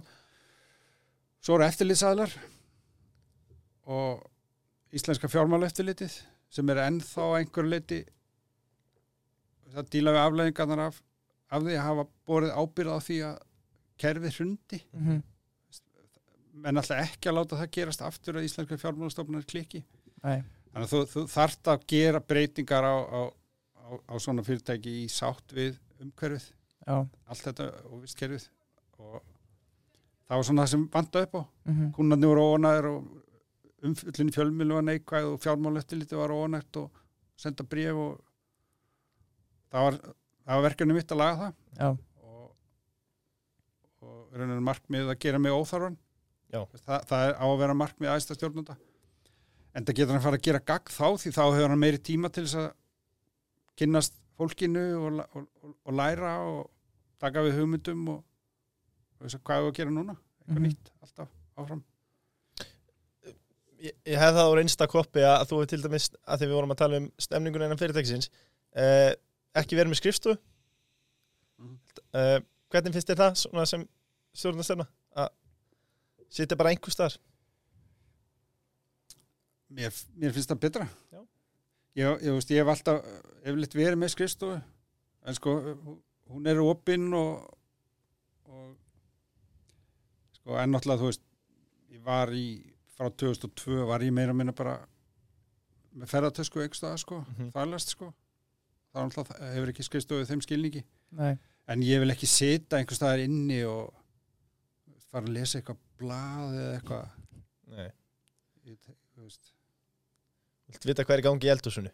Já, ég, ég vil það og ég, hvað fólk er að gera og hvernig þeim líður og eitthvað svona. Og sko veist, fórstjóri eða svona veist, hann er ekki að fara veist, kannski mörgundrum hann fyrirtæki. Veist, ég ég er miklu meira áhrif með því að reyna að láta þessa sko, mörg hundruð vinna aðeins betur. Já. heldur en þó ég sé bara kafi í að veist, skrifa eitthvað eða gera eitthvað að búti plön og eða fara á fundi eða eitthvað svona. Klárt mál. Já. uh, ef við færum okkur Jón hjá PLT með afburða prentlausnir Já. og umhverfisvænir í þokkabútt uh, en þeir vilja þess að yfirtökuna hjá sín um, við erum bara því hverju sín af öllum félagunum í kaupallinni uh, sko, það er engin yfirtaka. Ég, ég, Ok, já, takk við hlut fórstjóra já, já, kaup, já kaup, sérst, kaup, við keiptum hlut í sín Já. það er, það er rétt. Já, fyrir og hérna uh, sko þetta er ógeðslega flott fyrirtæki. Mm. bara keira þarna framhjá og, og Vodafone er rosalega alþjóðlega frábært fyrirtæki og, og hérna þú veist, ég er svona þekkt til fyrirtæki sem haft álit á því. Já. uh, sí, en, en sko við vorum ekkert sérstaklega leita því og það var ekkert plan endilega að fara þú veist, setja einn eða tvo miljardar eitthvað í eitt fyrirtæki. Þannig að eitthvað svona rekstra, rekstra félag á, á íslenskum verbreyðamarkaði en Arjón banki kom með þetta þessa tillögu til okkar og þú veist, það tengdist því náttúrulega að heiðar þurft að breyta til. Mm. og hérna, þá, þá þurft að finna einhvern til þess að til þess að taka við að kaupa, kaupa þennan hlut. Og þannig að við ákveðum bara þú veist, þetta er hérna, velt upp á yfir 2 miljardar mánuði og og hérna veist, svona bottom line niðurstaðan ekkit frábær hef, ekki mikill hagnaður Nei, ekki, ekki nægur. En sko en bara starfsemin sem að, veist fyrirtæki er í og, og þannig að það eru fjölmiðlar mm og, og, og svo er hérna, fjarskipti. Sko í grunninn er þetta allt bara gagnabisnis Já, þessum fjölmiðlar, þetta er bara gagn, gögn eða upplýsingar bara eins og og, og ef þú ert með nóg mikið af þeim mikið, nóg mikið af góðu fólki þá fi- finnur leiðir til þess að þú veist, vaksa, þú veist, okkur getur við hérna, Greitinfo vaksum 15% á ári einmitt. í 25 ár? Já, en, en sko sín er kannski ekki að haldi við hérna, verðbólgu í þú veist að- þannig að þú veist og ég er ekki að segja að það hafi eitthvað eitthva, hérna, slæmt verið þarna og ég hef, hef ekki eins og fórsendur til þess að dæma. En, en, en það var svona bara einhver tilfinning að það, að það væri þetta fyrirtæki ætti meira inni. Og, og kannski líka af því að, þeir fóru í þessa saminningu þarna með hérna, fjö, fjö, fjölmiðla hlutan inn í fjölskylda Mm. að hérna, það voru svona vandamál sem fylgdu því og en, en svo fundum menn lausnir á þeim og voru svona sigla út úr þeim. Þannig að tilfinningi var svona að þetta getur verið góð tími til þess að koma inn í það fyrirtæki og gera svona einhverja breytingar og reyna auka vöxtinn og aðkvæmni og Já, það var hávar orðrómur þegar þið kaupið hlutina að það myndi jafnvel bara vera klift á sem sagt fjölmiðla hlutina ætla að stokka fyrirtæki upp Já, Já. já, Já, ég heyrði það. Ég, ég heyrði líka að ég væri Jón Ásker Já, já, já, og, og hérna og, Þetta væri huldu heyr hans. Já, já, Já, eins og ég, eins og ég fær að leppa fyrir hans sko eða einhvern annan. Einmitt og að það væri áfram um að reka hinn og þennan og allavega. Já, en við erum ekkert að við erum ekkert að vinna þannig. Förum bara yfirvegið í þetta og skoðum þetta hvernig þetta er hvort það sé ekki hægt að gera eitthvað sniðut mm og sem ég hef trú á. Ég held að þetta sé stert fyrirtæki og verði sterkar í framtíðinni og ég held að það verði gott fyrir fyrirtæki líka að fá inn einhverju nýja aðila En eru fjölmiðlar samt ekki eins og flugfélag til að verða miljónamæringur og flugfélag þurft að vera miljónamæringur og er ekki saman fjölmiðlarna? Eða hvað? ég Nei, það ég- kannski bara Já, já, ég, ég, ég, ég komst að því sko, nei, en, en, en hérna, uh, sko, Ég er bara Ef- horfði ef- ef- fréttablaði, morgunblaði þú veist, eitthvað, já, þú veist, ég myndi ekki kaupa dagblað, Nei, nei, ég, þú veist, ekki prenta, en sko, eins og ég segi, þetta er gagnabusiness á endan. Og, og, og ég bara horfa á, sko, veist, krakkar 5-6 ára, þau, þau eru að streyma einhverju YouTube allan daginn, og, og, og þau þurfa að horfa á þessa þætti og svo er hérna LXS þættinni Já, sem að mörgum finnast frábærir og, og, og öðrum kannski ekki. Já, og það, það sem þetta fyrirtæki á það er bara þú veist, þessi afþreng sem að þú veist, við þurfum og, og leiðir til þess að nálgast upplýsingar og getur gert þetta allt. Mhm, það er engin með þessa stöð á Íslandi. Og hafa allt þetta efni, allt þetta íslenska efni þú veist, ég, ég er rosalega lítinn áhuga á, á sko þú veist, að- að- að að selja einhvern það að að horfa á Forrest Gump klukkan 21.10 á Já. lögðskvöldi ég, ég held að sé ekki framtíð í því. Nei, en sko að að geta bara sótt það sem þú þart þú sækir hérna LSX þáttinn sko Já, já. og Já, ég geri það, ég, já, gerir tvö og, og, og hérna ég get ekki beðið. og við horfum á einhvern leik og Já, já. svona með að þetta er bara hérna þetta, það er bara, þetta er allt annað og það er svo mikið, mikið, mikið breytingar eiga sér stað og eins og ég segi grunninn, þetta er gagnabusiness. Þar sem að þú þarft annars vegar einhver gögn. Geta verið myndir eða þættir eitthvað svona. Útvarp, mhm, upplýsingar sem koma fram þar. Og svo þarftu leiðina til að nálgast. Mm. og það er fjarskita hlutin Já. þannig að það, það er alveg það er alveg rauk fyrir því að þetta eigi að virka allt saman sterkara og verðmættara en í sitt hverju lagi. Mm.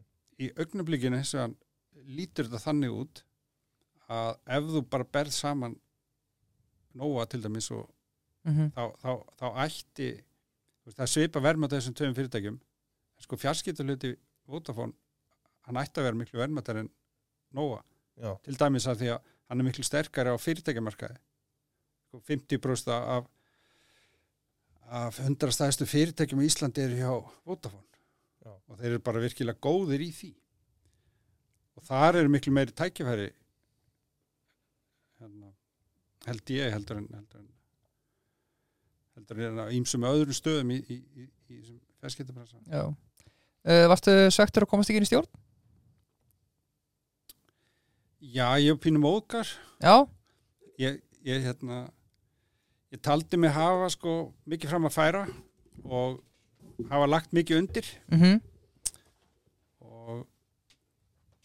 þar sem ég hef verið, veist, ég, verið í stjórn þar hefur gengið vel. Já, og ég held að, að hérna, það er metið einmitt. við mig þannig að síðan komið ljósa að, að sagt staðistu meðeigundur mínir að þessu fyrirtæki lífeyrisjóðin þeir enginn þeirra gaf mér eitt einasta atkvæði. Já, og mér fannst það mér fannst það ekki drengilegt. Mér fannst það, það lélitt að fegst einhverja skýringar á þessu? Uh, já, já það var sko menn voru eitthvað að hugsa og ég er ekkit að segja að þeirra sjónamið sé eitthvað verður en mín.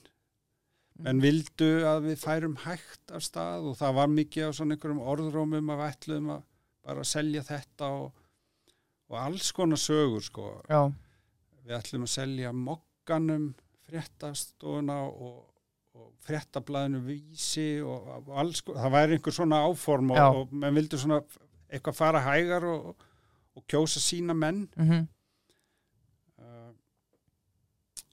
og þeir eru í fullum rétti með það sko. Já, en þú veist svona mér fannst þetta ekki mér fannst þetta ekki skemmtilegt og, og veist, ég, mér finnst það svona við eigum hlutafarnir í svona fyrirtækjum eiga að hafa sömu hagsmunni sem er veist bara að hámarka verðmæti hlutafa algjörlega. Og, og velja að hæfasta fólki í stjórn ekki sitt eigið fólk Já. sína fulltrú eða eitthvað svona. Já, og þetta er svolítið þetta er líka svolítið hættulegt sko. Og hérna að lífverðisvöldnir eru svo fyrirferða miklir já, ef að þeir taka sér saman mhm, og kjósa allir eins veist, þá, þá er hvaða skilabóð eru það til enga fjárfæstana einmitt við, veist, fyrst sem ég hugsa á eftir var bara, veist, þetta er bara mistök sko, ég, ég, ég á ekki að vera fjárfæst að setja mikið peningum inn á, veist, í eitthvað svona og svo, svo, svo bara myndast einhver blokk á móti. Einmitt, og það var einmitt eiginlega næsta spurning, þú veist, ef við horfum núna tilbaka, setjum aftur hennar gæsalappa yfirtöku, sem sagt, ta- taki yfir hlut heiðars. Myndir þú segja, er, er ykkur eftir sjá þarna að því að þú gerir líklega ráð fyrir því þegar þú fer inn í það díl að þú sért að fara í stjórn sínar? Já, ég ger ráð fyrir því og, og sko ég ætla, ég ætla að fara persónlega í máli sko.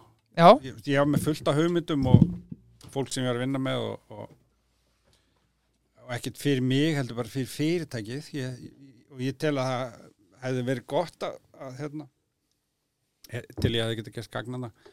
Og, og það, það sem var sko annað síðan svolítið leðilegt fannst Já. mér í framhaldinu það var að, að síðan er beðið um annan hlutafund. Það, það er svona augljóst að það verður, verður mikla breytingar á stjórninni. Það flýtir stjórnin sér að ráða fórstjóra Já, þó að verður bara nokkra vikur í fund þar sem að svona stjórn færi frá. Finnst það það fannst mér vera svona eitthvað það er svona ákvæði bjóð mig ekki fram aftur. Ég sagði, það er, bara, það er svona einhver vond orka hérna, ég ætla aðeins já, að persónlega fyrir mig bakka aðeins og, og, og svona sjá sjá hvernig það fer hvort að við fáum ekki eh, betri stjórn eða svo, þetta er svo sem var. svo mistuðu líka helviti mörg elástík úr nýju stjórninni. Jón Hjartarsson fór út. Já, úff. Já, það var, það var synd, það, það, er góð maður. Já, en einhver var að víkja. Já, þetta. algjörlega. Uh, eins og við erum en, aðeins en, en já, þú veist, ég, ég var móðgæður á já, ég að, er ekki að lena því og ég taldi að ég væri hæfari bara hefði búið til meiri já, já, verðmæti fyrir hluthafa í mínum fyrirtækjum sem ég hef leitt heldur en allir sem voru kostnir í stjórn samanlagt. Mhm, Þa, þannig leið mér sko Já. og ég, auðvitað er eitthvað ego í því sko. En en svo setjum að það veist, aftur fyrir sig, en, en ég tala samt bara um þetta á hreinskilni, svona fannst mér mér fannst þetta e- e- ekki vera rétt hvernig þessi fyrri fundur fór og setni fundurinn fór líka allt öðru sig. Mhm, þar hérna þar fengu þessi fulltrúar lífeyrisjóðana sem eiga 30 og eitthvað prósent þeirra fulltrúar voru raun verið fimm, eða fjórir af fimm Mhm. í fyrirstjórninni. Og við getum sagt að kannski var það svona íhaldsamari armurinn sko. Við, við erum náttúrulega komið inn að því við teljum að sé hægt að gera betur og veist, á ástfjörningnum þar á undan það var 66 miljóna hagnaður já. á öðrum ástfjörningi, bottom line. Mhm, og það er bara allt og lítið, það er bara 1% af, af, ebitu já af, það er 1% af Ebi, en sko ebitan er miklu herri Nei, ég var ebitu prósentina sko, já, sko ebitan próstan var, hún er há. Já, en sko ef þú, ef þú sko eigfærir kaup á efni mhm, gjaldfærðu síðan, þá, þá hækkar já, ef þú selur innviði og leigir síðan notkunna mhm, þá hækkar ebitan já. Þannig að sko ebitan er ekki góð mæli hverða á, á afkomuna að á endan skipt bara hvað býr þessi einu til mikið af peningum sem mhm, geta það farið til hlutafa Já, og í þessu tilfelli þá, þá, þá það er bara of lítið að, að mínu mati sko, mhm, það er of lítið til að standa undir verðmatunum fyrirtækinu. Já, en, en sko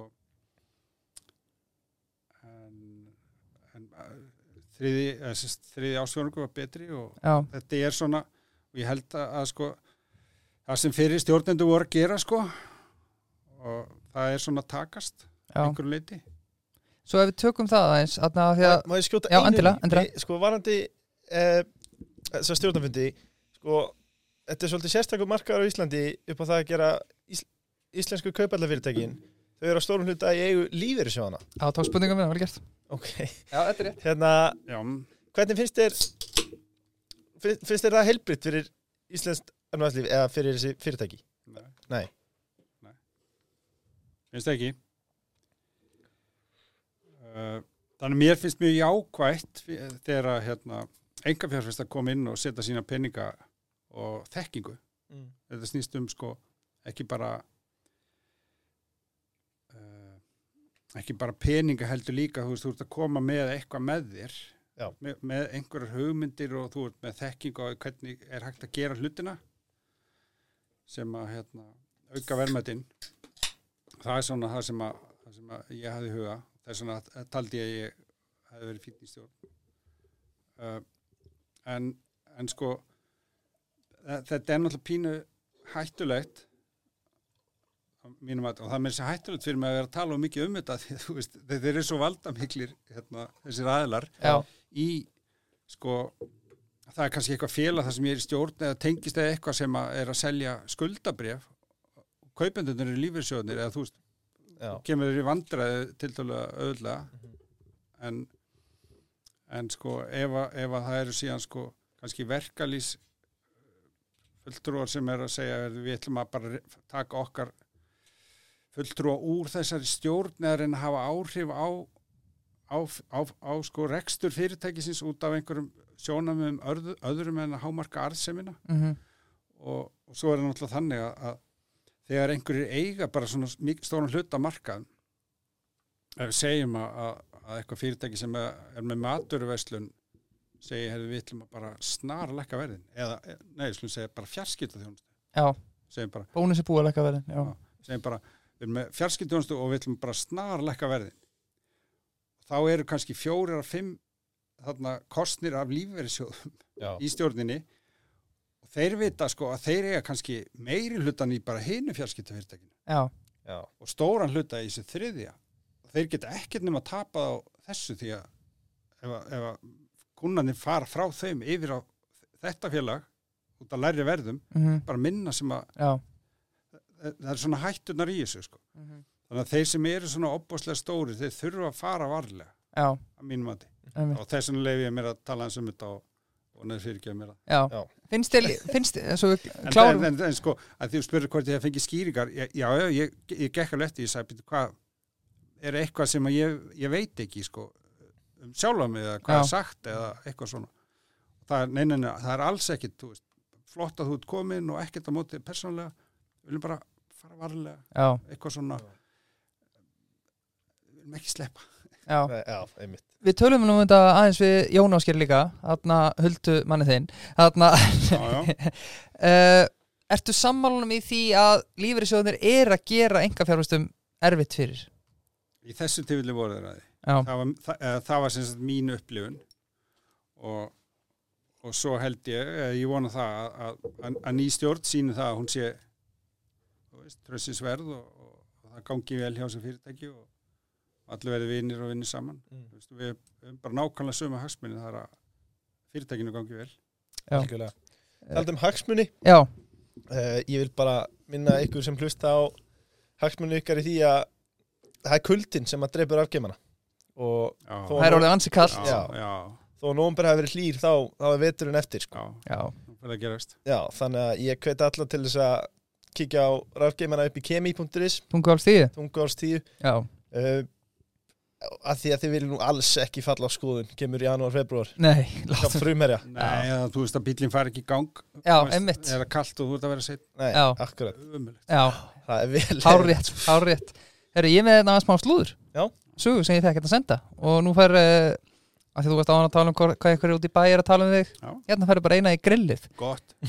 Skotulegna Ég er klár. Uh, Fyrst er alltaf bjössi á peiti. Uh, Peiti, þú getur prófað allar ásköldarlega frítt í 30 dagalegur Já, þetta er snill uh, Veldu ásköldarlega sem henda þinn í starfsemi. Endilega skoðu nánar á peiti.is En Bjössi segir hérna hjá peiti Að uh, þú hefur farið á stefnumót með Yoko Ono. Wow, Er það rétt? uh, Sko Hún bauð mér á stefnumót. Ok, og hún mætti ekki. Ha, Hún mætti ekki. Þú mættir? Ég mætti. Hvernig ægslaðist þetta? Sko, æ, það, þetta, þetta er svo ekki saga, sko. Ég var, ég var eins og ný, hérna á Hildon, hérna í heitabótunum og það kom Jóko Ono. Já, og orðin svona svolítið hrum þannig að þeir náttúrulega að fara upp úr pottinu þá þurfti ég að styðja hana. Og ég stutt hana nú, upp úr pottinum og nýra á gólf og, og þá vildi hún fara í fara í gufuna. Og hún er svona, svona pyrru og búin að reykja burtust aðstæða fólki sittur svona og, og, og hérna, hún spurði mig í hvort klefan hún ætti að fara. Já, og þeir eru tveir guð, guðklefar og ég spurði hvort hún væri frá Finnlandi. Og hún horfði á mig með svona fyrirlýtningar svip sko og beið. Og ég sagði að því að þú ert frá Finnlandi þá fer ég þennan ef ekki frá Finnlandi þá fer ég þennan. Var þetta hérna í Hildan á Íslandi? eða? já, já. Já, já, og hérna það var semst heitari klefin já, já, og þá brost hún og sagði you are coming with me. Svo fórum við í gufu. Og hérna vorum þar og spjöllum saman heilengi og svo þegar hún fór þá sagði hann saman tíma morgun. Og ég sagði já. En svo kom hún ekki. Já, Já, já, Skemmtileg Já. saga. Já, já, já. Uh, Eitt sem við hjóum eftir undirbúningi verið þáttinn. Og það er viðtalið við hérna í lokast 2017 það sem eftir var þetta kemur fram. Uh, Ég hef alltaf verið hrifin af gömlum kortum og alltaf haft kort í kringum mig. Og náttúrulega í framhaldi skrifari bók sem heitir Kortlækning heimsins frá Grikkjum til Google Maps. Uh, Er þetta ekki lúðarlegra áhuga manni skáka? nei. Sko, en það er reyndar þannig. Í framhaldi því skrifa ég bók sem heit Kortlagning Íslands. Já, já, já, já. Þa, það var fyrir bókin. Já. og, og svo skrifa ég aðra bók sem kom út síðustu jól sem var Kortlagning heimsins Já. þannig ég Á hverju kort? Það. Sko kort, þau, þau eru svo þau eru leið til að skilja heiminn ímyndu ykkur ef þið vissuð ekki, hefðu aldrei séð landakort Mm það, er, það er eitthvað að gerast í Úkrænu en er í Afríka eða Bandaríkjum Mm. þú veist um leið og, og þegar eitthvað gerist einhvers staðar út í heimi eða þegar við förum eitthvað, við erum alltaf með þessa mynd í hugan Já, Svona, við skiljum heiminn að því við höfum kort. Ef við hefum ekki kort þá myndum við ekki skilja. Og þú veist, hérna erum við. Hérna erum við að fara það, það, við erum me- meira sér svo tengd þessu sko að snýr bara kortinu við það finnst okkur að Já. en sko heimurinn, eða jörðin okkar er náttúrulega kúla sko. Mhm. það, veist, það er ekkit upp eða niður á kúlu. Nei. Eða þú veist, austur eða, eða þú veist, hérna, allar áttir eru afstæðar mm og, en, en, en við syns notum það til að skilja, skilja heimur ég er bara alltaf verið einhvern veginn hillaður af, Já, af kortum og, og, og mjög margir eru, það eru kort alltaf út um allt sko. Og af hverju ákvæmst að skrifa bók? Bækur? Uh, sko það mér fannst vanta hérna, kort um, um ég skrifaði íslensku fyrst nei þannig að ennsku fyrst um, um kortlegningu Íslands það vantaði bara bó- bók á ennsku það fylgta útlendingum sem að safna kortum á Íslandi líka. Og við erum að tala um sko kort sem voru prentu kannski fyrir 400 árum. Já, þannig að þetta er, veist, þetta er þetta er nefnilega stór stór hópur fólks um allan heim sem að safna svona gömlum kortum og, og, og það er meira sem þannig að þetta er, getur verið bara fín fjárfesting. Já, að, að svona þessi ár sem ég hef verið að safna gömlum kortum að það sem er sjálfgjafast það sem er dýrast Mm. það hækkar alltaf í verði. Já, en svona það sem er svona ó, ódýrara það hefur tilhengu til þess að lækka frekara því að kannski er, er þeim eitthvað að fækka svona þú veist, yngra fólki þú veist, þetta bara eins og með frímerki og seðla og fleira sko. Mm. það, er, það er færri sem safnaði þannig að það er bara þetta verðmættast hvað er uppáhalds kortið þitt? já, það er gott á spyrð það er þetta hér sem ég er með hérna tattúverð á hendina þetta er kort af Íslandi sem að Guðbrandur Biskup Torlagsson síndist þetta að vera hann bjó, bjó til já. og hérna hollendingarnafni Ortelius gaf út í lók 16. aldar Já. Er, í lók 16. aldar Já.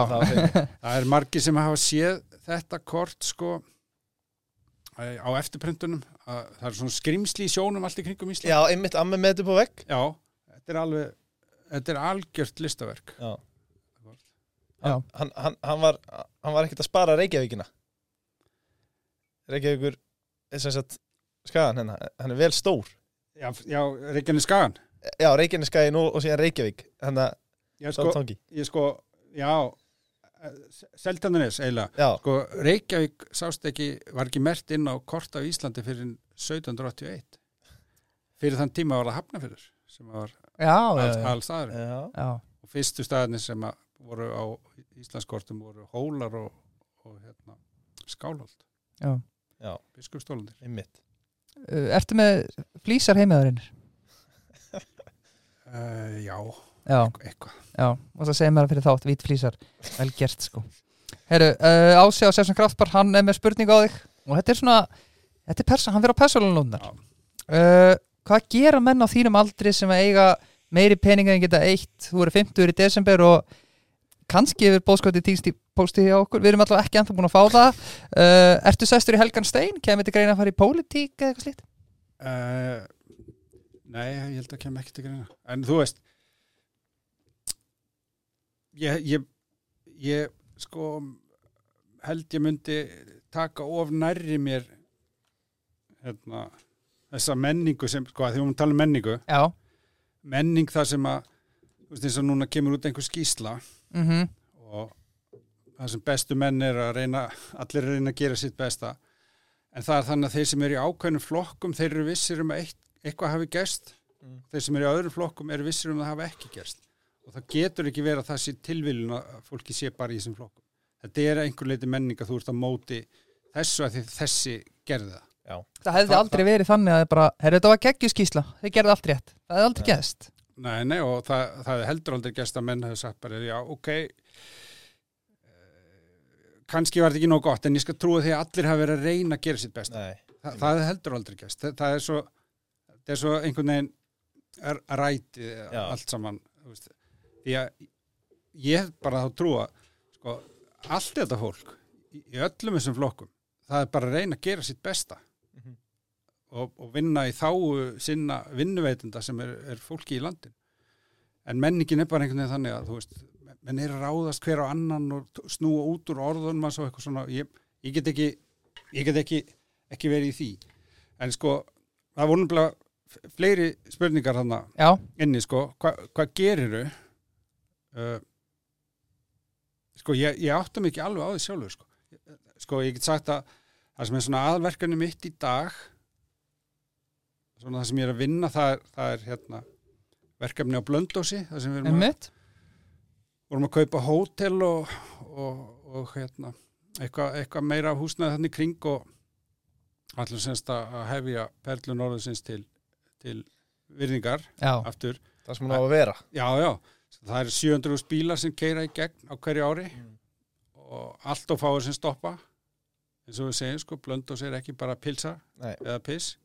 Það er sko allt annað og meira og þetta er náttúrulega bara þægilegt fallegt þorp við húnaflóa og hérna það er voru gott að vera Já. rólegt og notalegt og, og náttúru fegur náttúrulega allt, allt í kring þarna þannig að við ætlum að reyna að fá fólk til að koma meira, stoppa meira og búa til atvinn á svæðinu og, og aftrengu og svona gaman já, þannig að það er svona verkefni mitt og það er svona hérna ef, ef við berum það sama við þú veist, að bjóða sér fram í, einhverja stjórn þar sem Mhm. að þú veist, þú ert í samkeppni við einhvern og, veist, og kannski einhverjir segja eitt og gera annað og eitthvað svona, Mhm.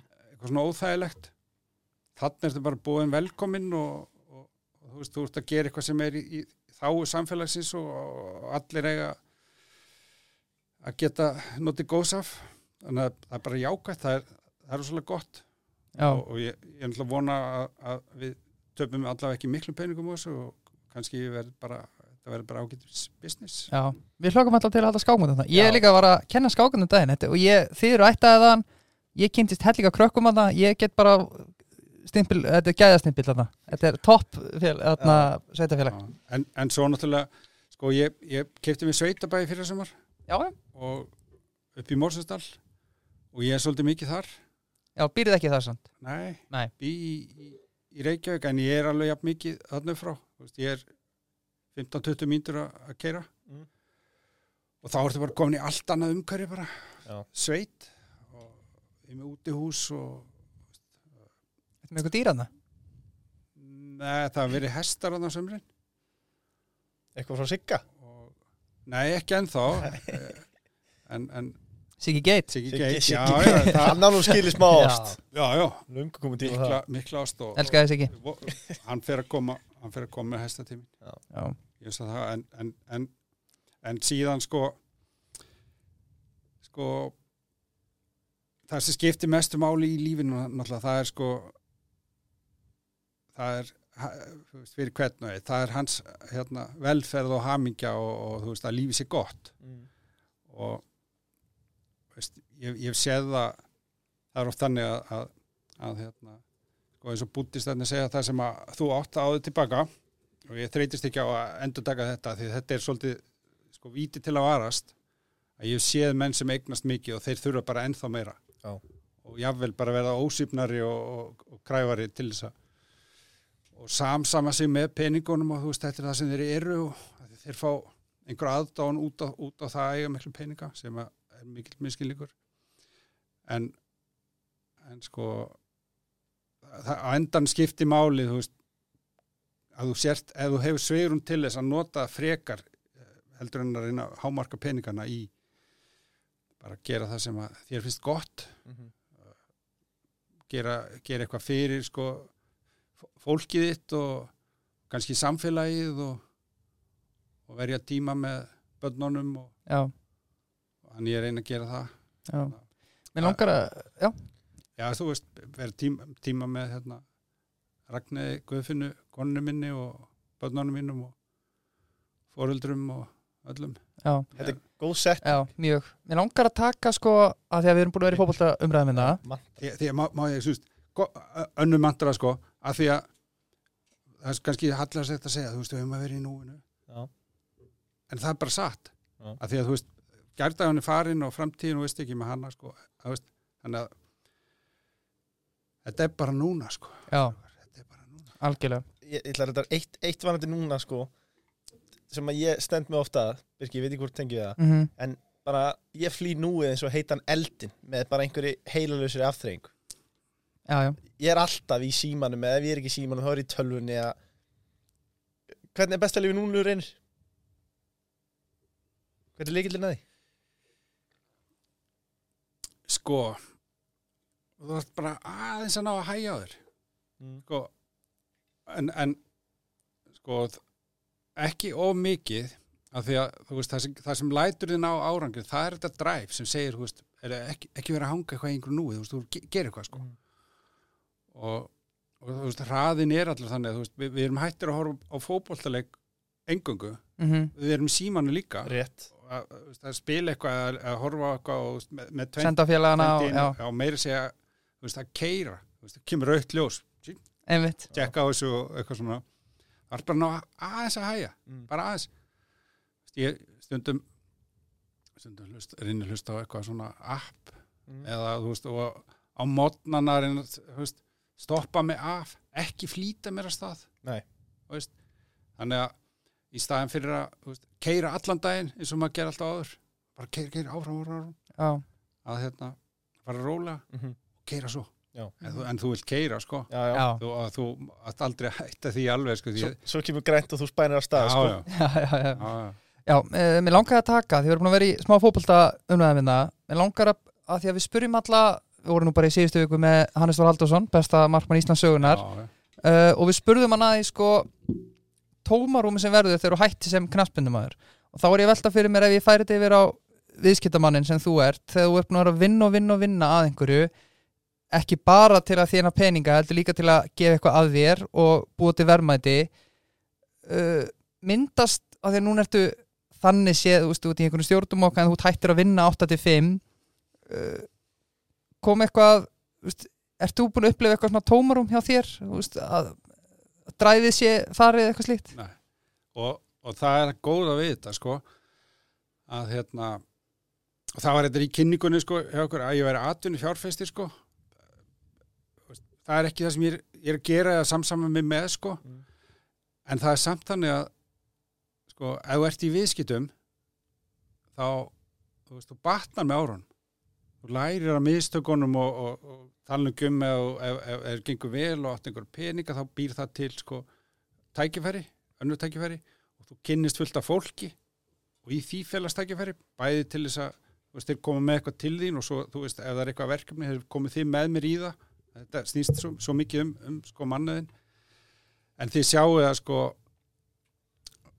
einmitt þetta er gott dæmi hérna, þar sem að Hannes er reyndar sko meistar í, í, í sko Já, kvikmyndagerð og það er eiginlega dóldi bjargaði honum frá hinu knaspinumönnum sko. já, já, en þannig að það, það er svona aðeins öðru sem hann en sko, fótboltamenn þeir toppa kannski fyrir þrítut jável Mm. sko, Warren Buffett, hann er ennþá að batna Já. Já, þú veist þannig að, að, að þýleiti er sko viðskipti kannski e- einna besta já, vi- vinnan að, að, þú veist, ég, ég er alveg viðskiptamæður áfram. Já. Bara eins og gott rauðvín bara, verður bara betra með aldrei já, já, það er ekki það er ekkert tómarum sko. Nei, og það er sko ekki alveg hverjum degi en það er í einhver skipti í hverju viku sem að einhverju hafa samband og með einhver tækifæri að byggja um ráð eða eitthvað sko. En það er en, en sko ég með þetta með þannig sett upp á þessu að sko eiginlega allt sem ég á er bara í fyrirtæki sem heitir Infocapital mhm, og það sér um fjárfestingar og það eru vini mínu þar, Hákon og, og Gaukur og, og, og fleiri sem að sjá um það félag. Þannig að ummyndirnar er, farað þanga og þeir meta og koma kannski með eitthvað til mín og segja ef við gera þetta? Og þannig ég ég hef eiginlega búin að koma mér sko og það var, getur sagt að sé þetta ferli sem byrjaði 2017 þegar ég sagði ok, nú ætlum ég að hætta að vera fórstjóri mhm, ég sá fyrir mér að, að sko drauma staðan væri að komast í, á þann stað að ég sko ætti einhverja peninga og er búin að losa út úr fyrirtækinu og ég á reyndar ennþá 38% í Kreatifó já, að hérna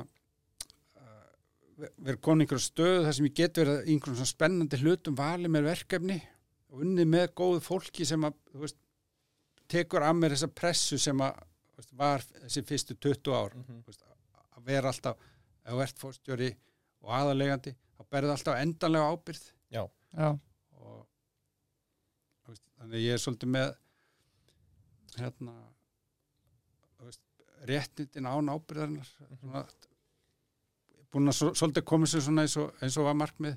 Og Já. það er, það er þú veist, ég hann heyrt um þetta svona síkrit þú ætti að hugsa um eitthvað og það enda með að verður og það, það, það er svolítið til í því. Þú, þú, þú byrjar að hugsa um eitthvað eða stefna á eitthvað svo hægt og rólega þá einhvern veginn nærða að koma þér í, í einhverju svona óskastöðu já, Secret, eða Hva, hvað áttu við er, það er- bókin hérna Secret Já. sem, sem er svona um þetta, þú veist, þú veist að ef þú vilt að eitthvað gerist þá ætti að hugsa um það og Já. stefna og svo. Þróaði í hausnum hann, já, já, já, já, Mhm, Ok. Googlaði bara. Já, googla leifur. Heimaðuna, já, herru, uh, leifur, Barry og Mósamenn. Þeir eru harðið verbreyðatipsmenn, vissur það? uh, Nei. Nei, Þetta- ég er verbreyðatipsmaður líka, sko. Já, já. Þó maður þykist ekki vera það, þá er maður það. allir þarna. og þeir eru með já, þeir segja erfið og krefandi spurningu en með hvernig reynir er búin að svara í kvöld þá er þetta nú bara kaffibólli fyrir hans sko. En við lofum að láta á það reyna þessa spurningu uh, nú komaði fréttur um daginn og keiftir 1% hlut í Æslandir þú ert auðvitað komin inn í sín eins og við rættum áðan.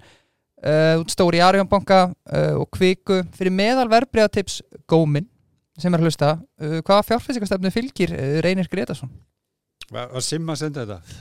Nei, hann er náttúrulega hættur þetta var Óli Valur sem var að senda þetta. Ok, já, já. Eh, ég er sko svo ég sé bara alveg hinskilin, ég hef ekki hugmyndu það. Sko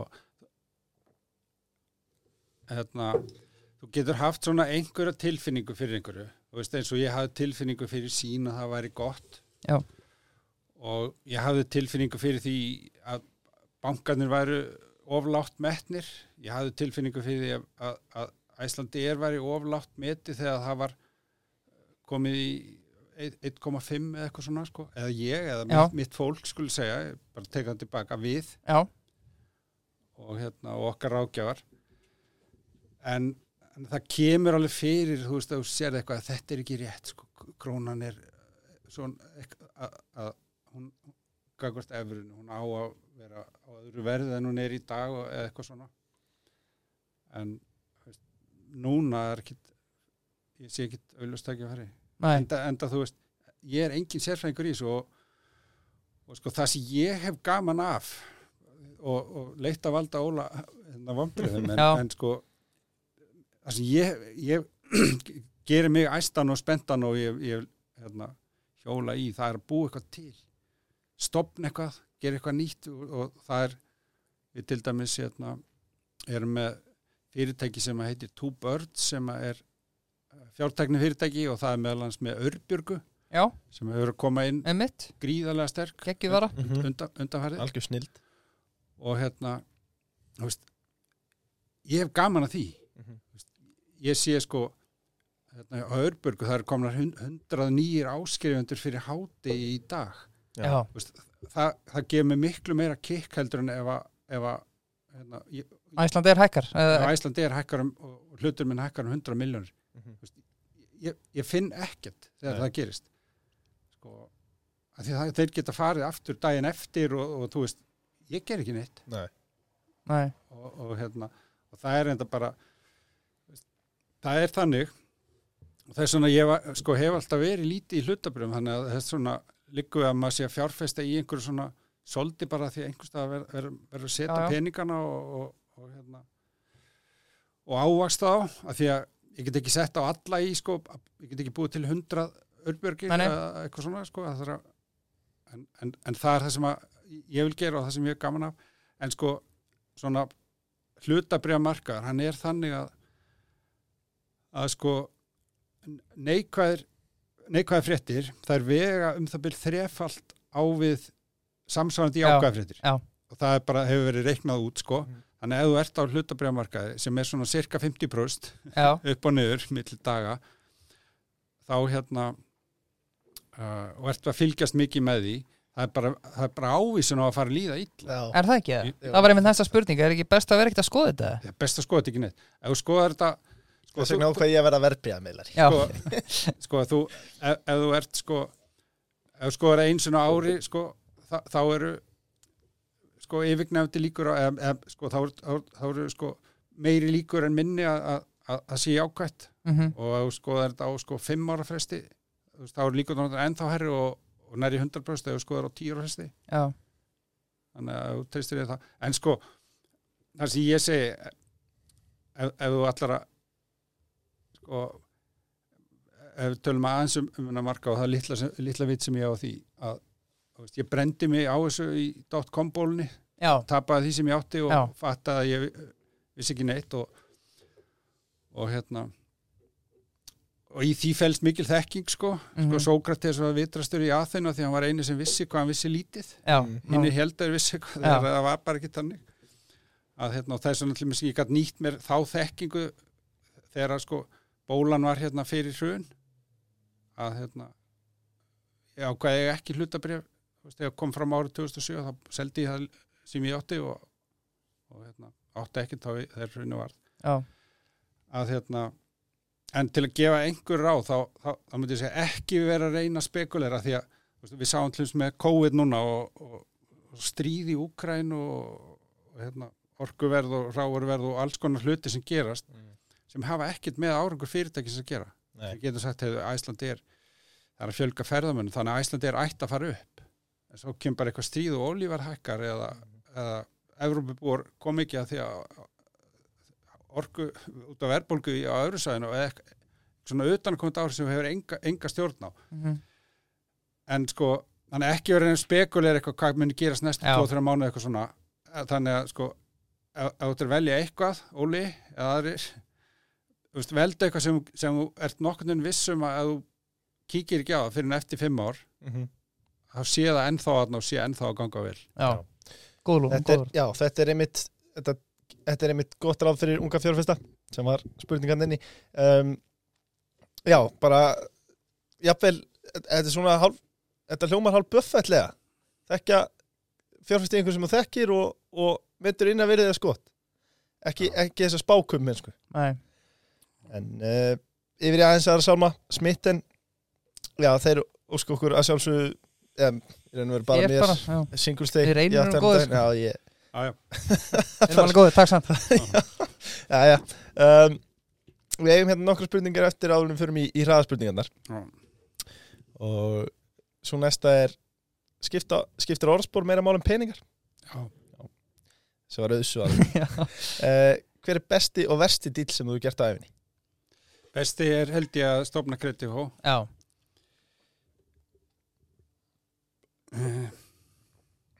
Vesti, það er svona margi, margi litlir. Já, Mm. engin eitthvað einn risa? Það er, það er ekkit eitt sem ég hugsa bara fuck, hvað er ég búin að gera? Ekki ennþá allavega. Ekki ennþá og ég, þú veist uh, ég hérna ég held að muni þú veist, ég, ég, ég er að vona að það gerist ekki þú veist, ég, ég dreifi þessu nót til þess að Já, þú veist, ég, ég er búin að tapa sko, ég veit ekki 2 miljardum eða eitthvað á þessu ári.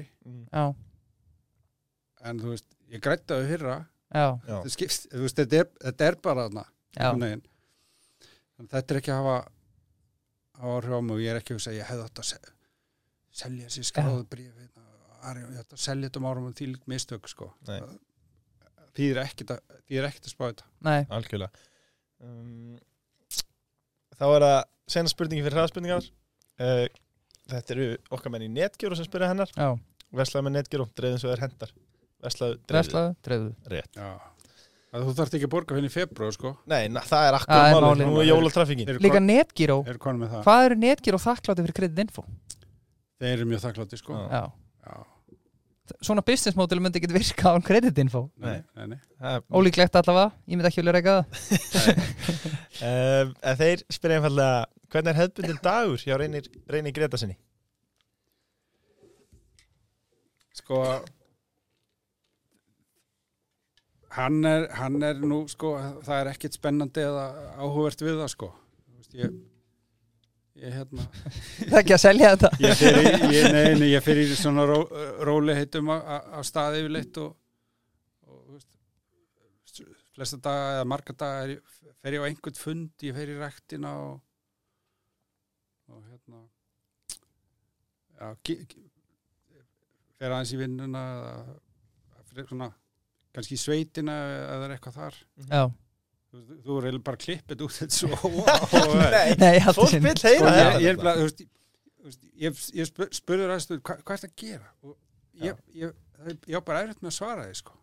en Já. ég hef bara alltaf nóg Já, fyrsta ræðaspurning Þitt liðu HM Brasilia. Já, uh, Hvernig er uppskritin að góðu föstudagskvöldi uh, þegar þú ætlar að gera vel við þig?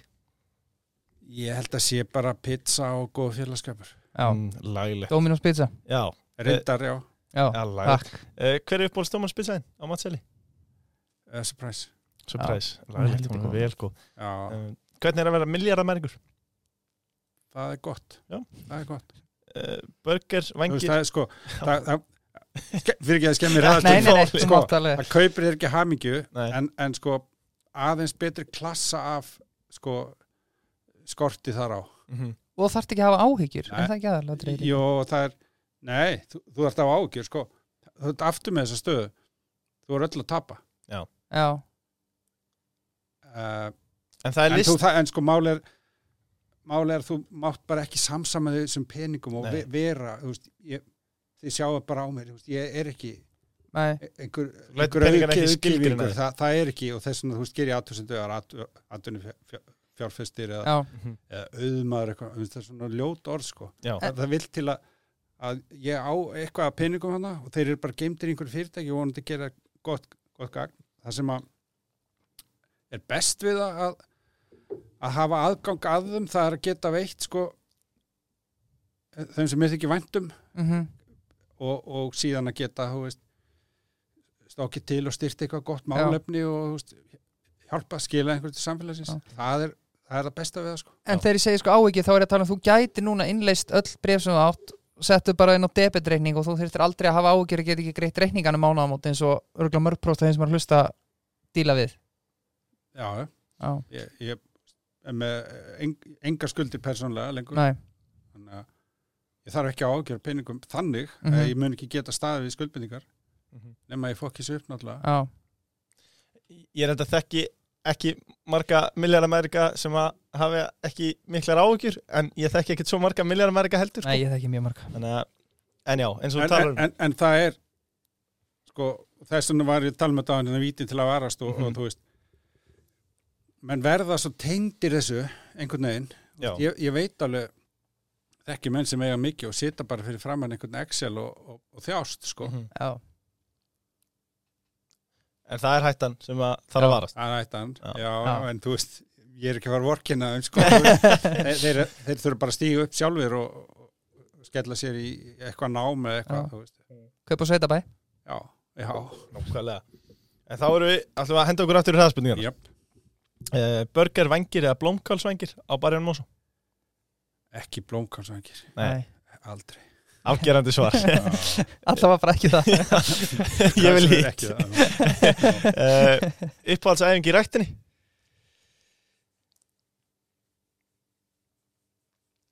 Uh, já, enga. Ok. Bara sorry, sko. Uppáhaldsdrykkur? Appelsín, Egil's Appelsín uppáhalds matur uh, Sko, það fyrir eftir, eftir staðastund sko, mm -hmm. Hambúrgarhryggur Já. en, en á föstaskvöldinu það er, Það er er, surprise sko. Já. slaglegt. Þú ert að fara að bjóða okkur í mat á morgun Þú ert uh, statur í bónus, þú ert að vesli matinn. Ert að fara að gera hambúrgareikant okkur eða? Nei, ég, ekki ykkur. Ég, þá, það er bara nautakjöldsteg slaglegt Vá, geðvitt um, Ég er lögum morgun. Já. Kemur til greina að kaupa lið í Premier League? Eh, Sko, ég hef Liverpool til sölu? Já, eitthvað dýrt sko en ég, ég hef reyndar áttlið sko sem reyndar ekki, ekki þegar það fór í Premier League sko en ég átti hluti stók Er Það? ágætt slutt, já, já, það? já, ég fór út og, Þegar og Gauji var? já, já, ég var með þegar við fórum út og tókum við, tókum við því og fórum að leiki og og svona í því Það er nú ævintir út af fyrir Já, er já. svekkjandi hvað við erum konið Já, djúptir í þáttin það, já, það er nefnilega Það var efni í annan þátt það var Já. skemmtilegt, já, já, Vi, Við eigum það inni já. um, Fáum Gauji á hann saman Já, Þannig ég er búin að prófa það já. ég, ég er góð sko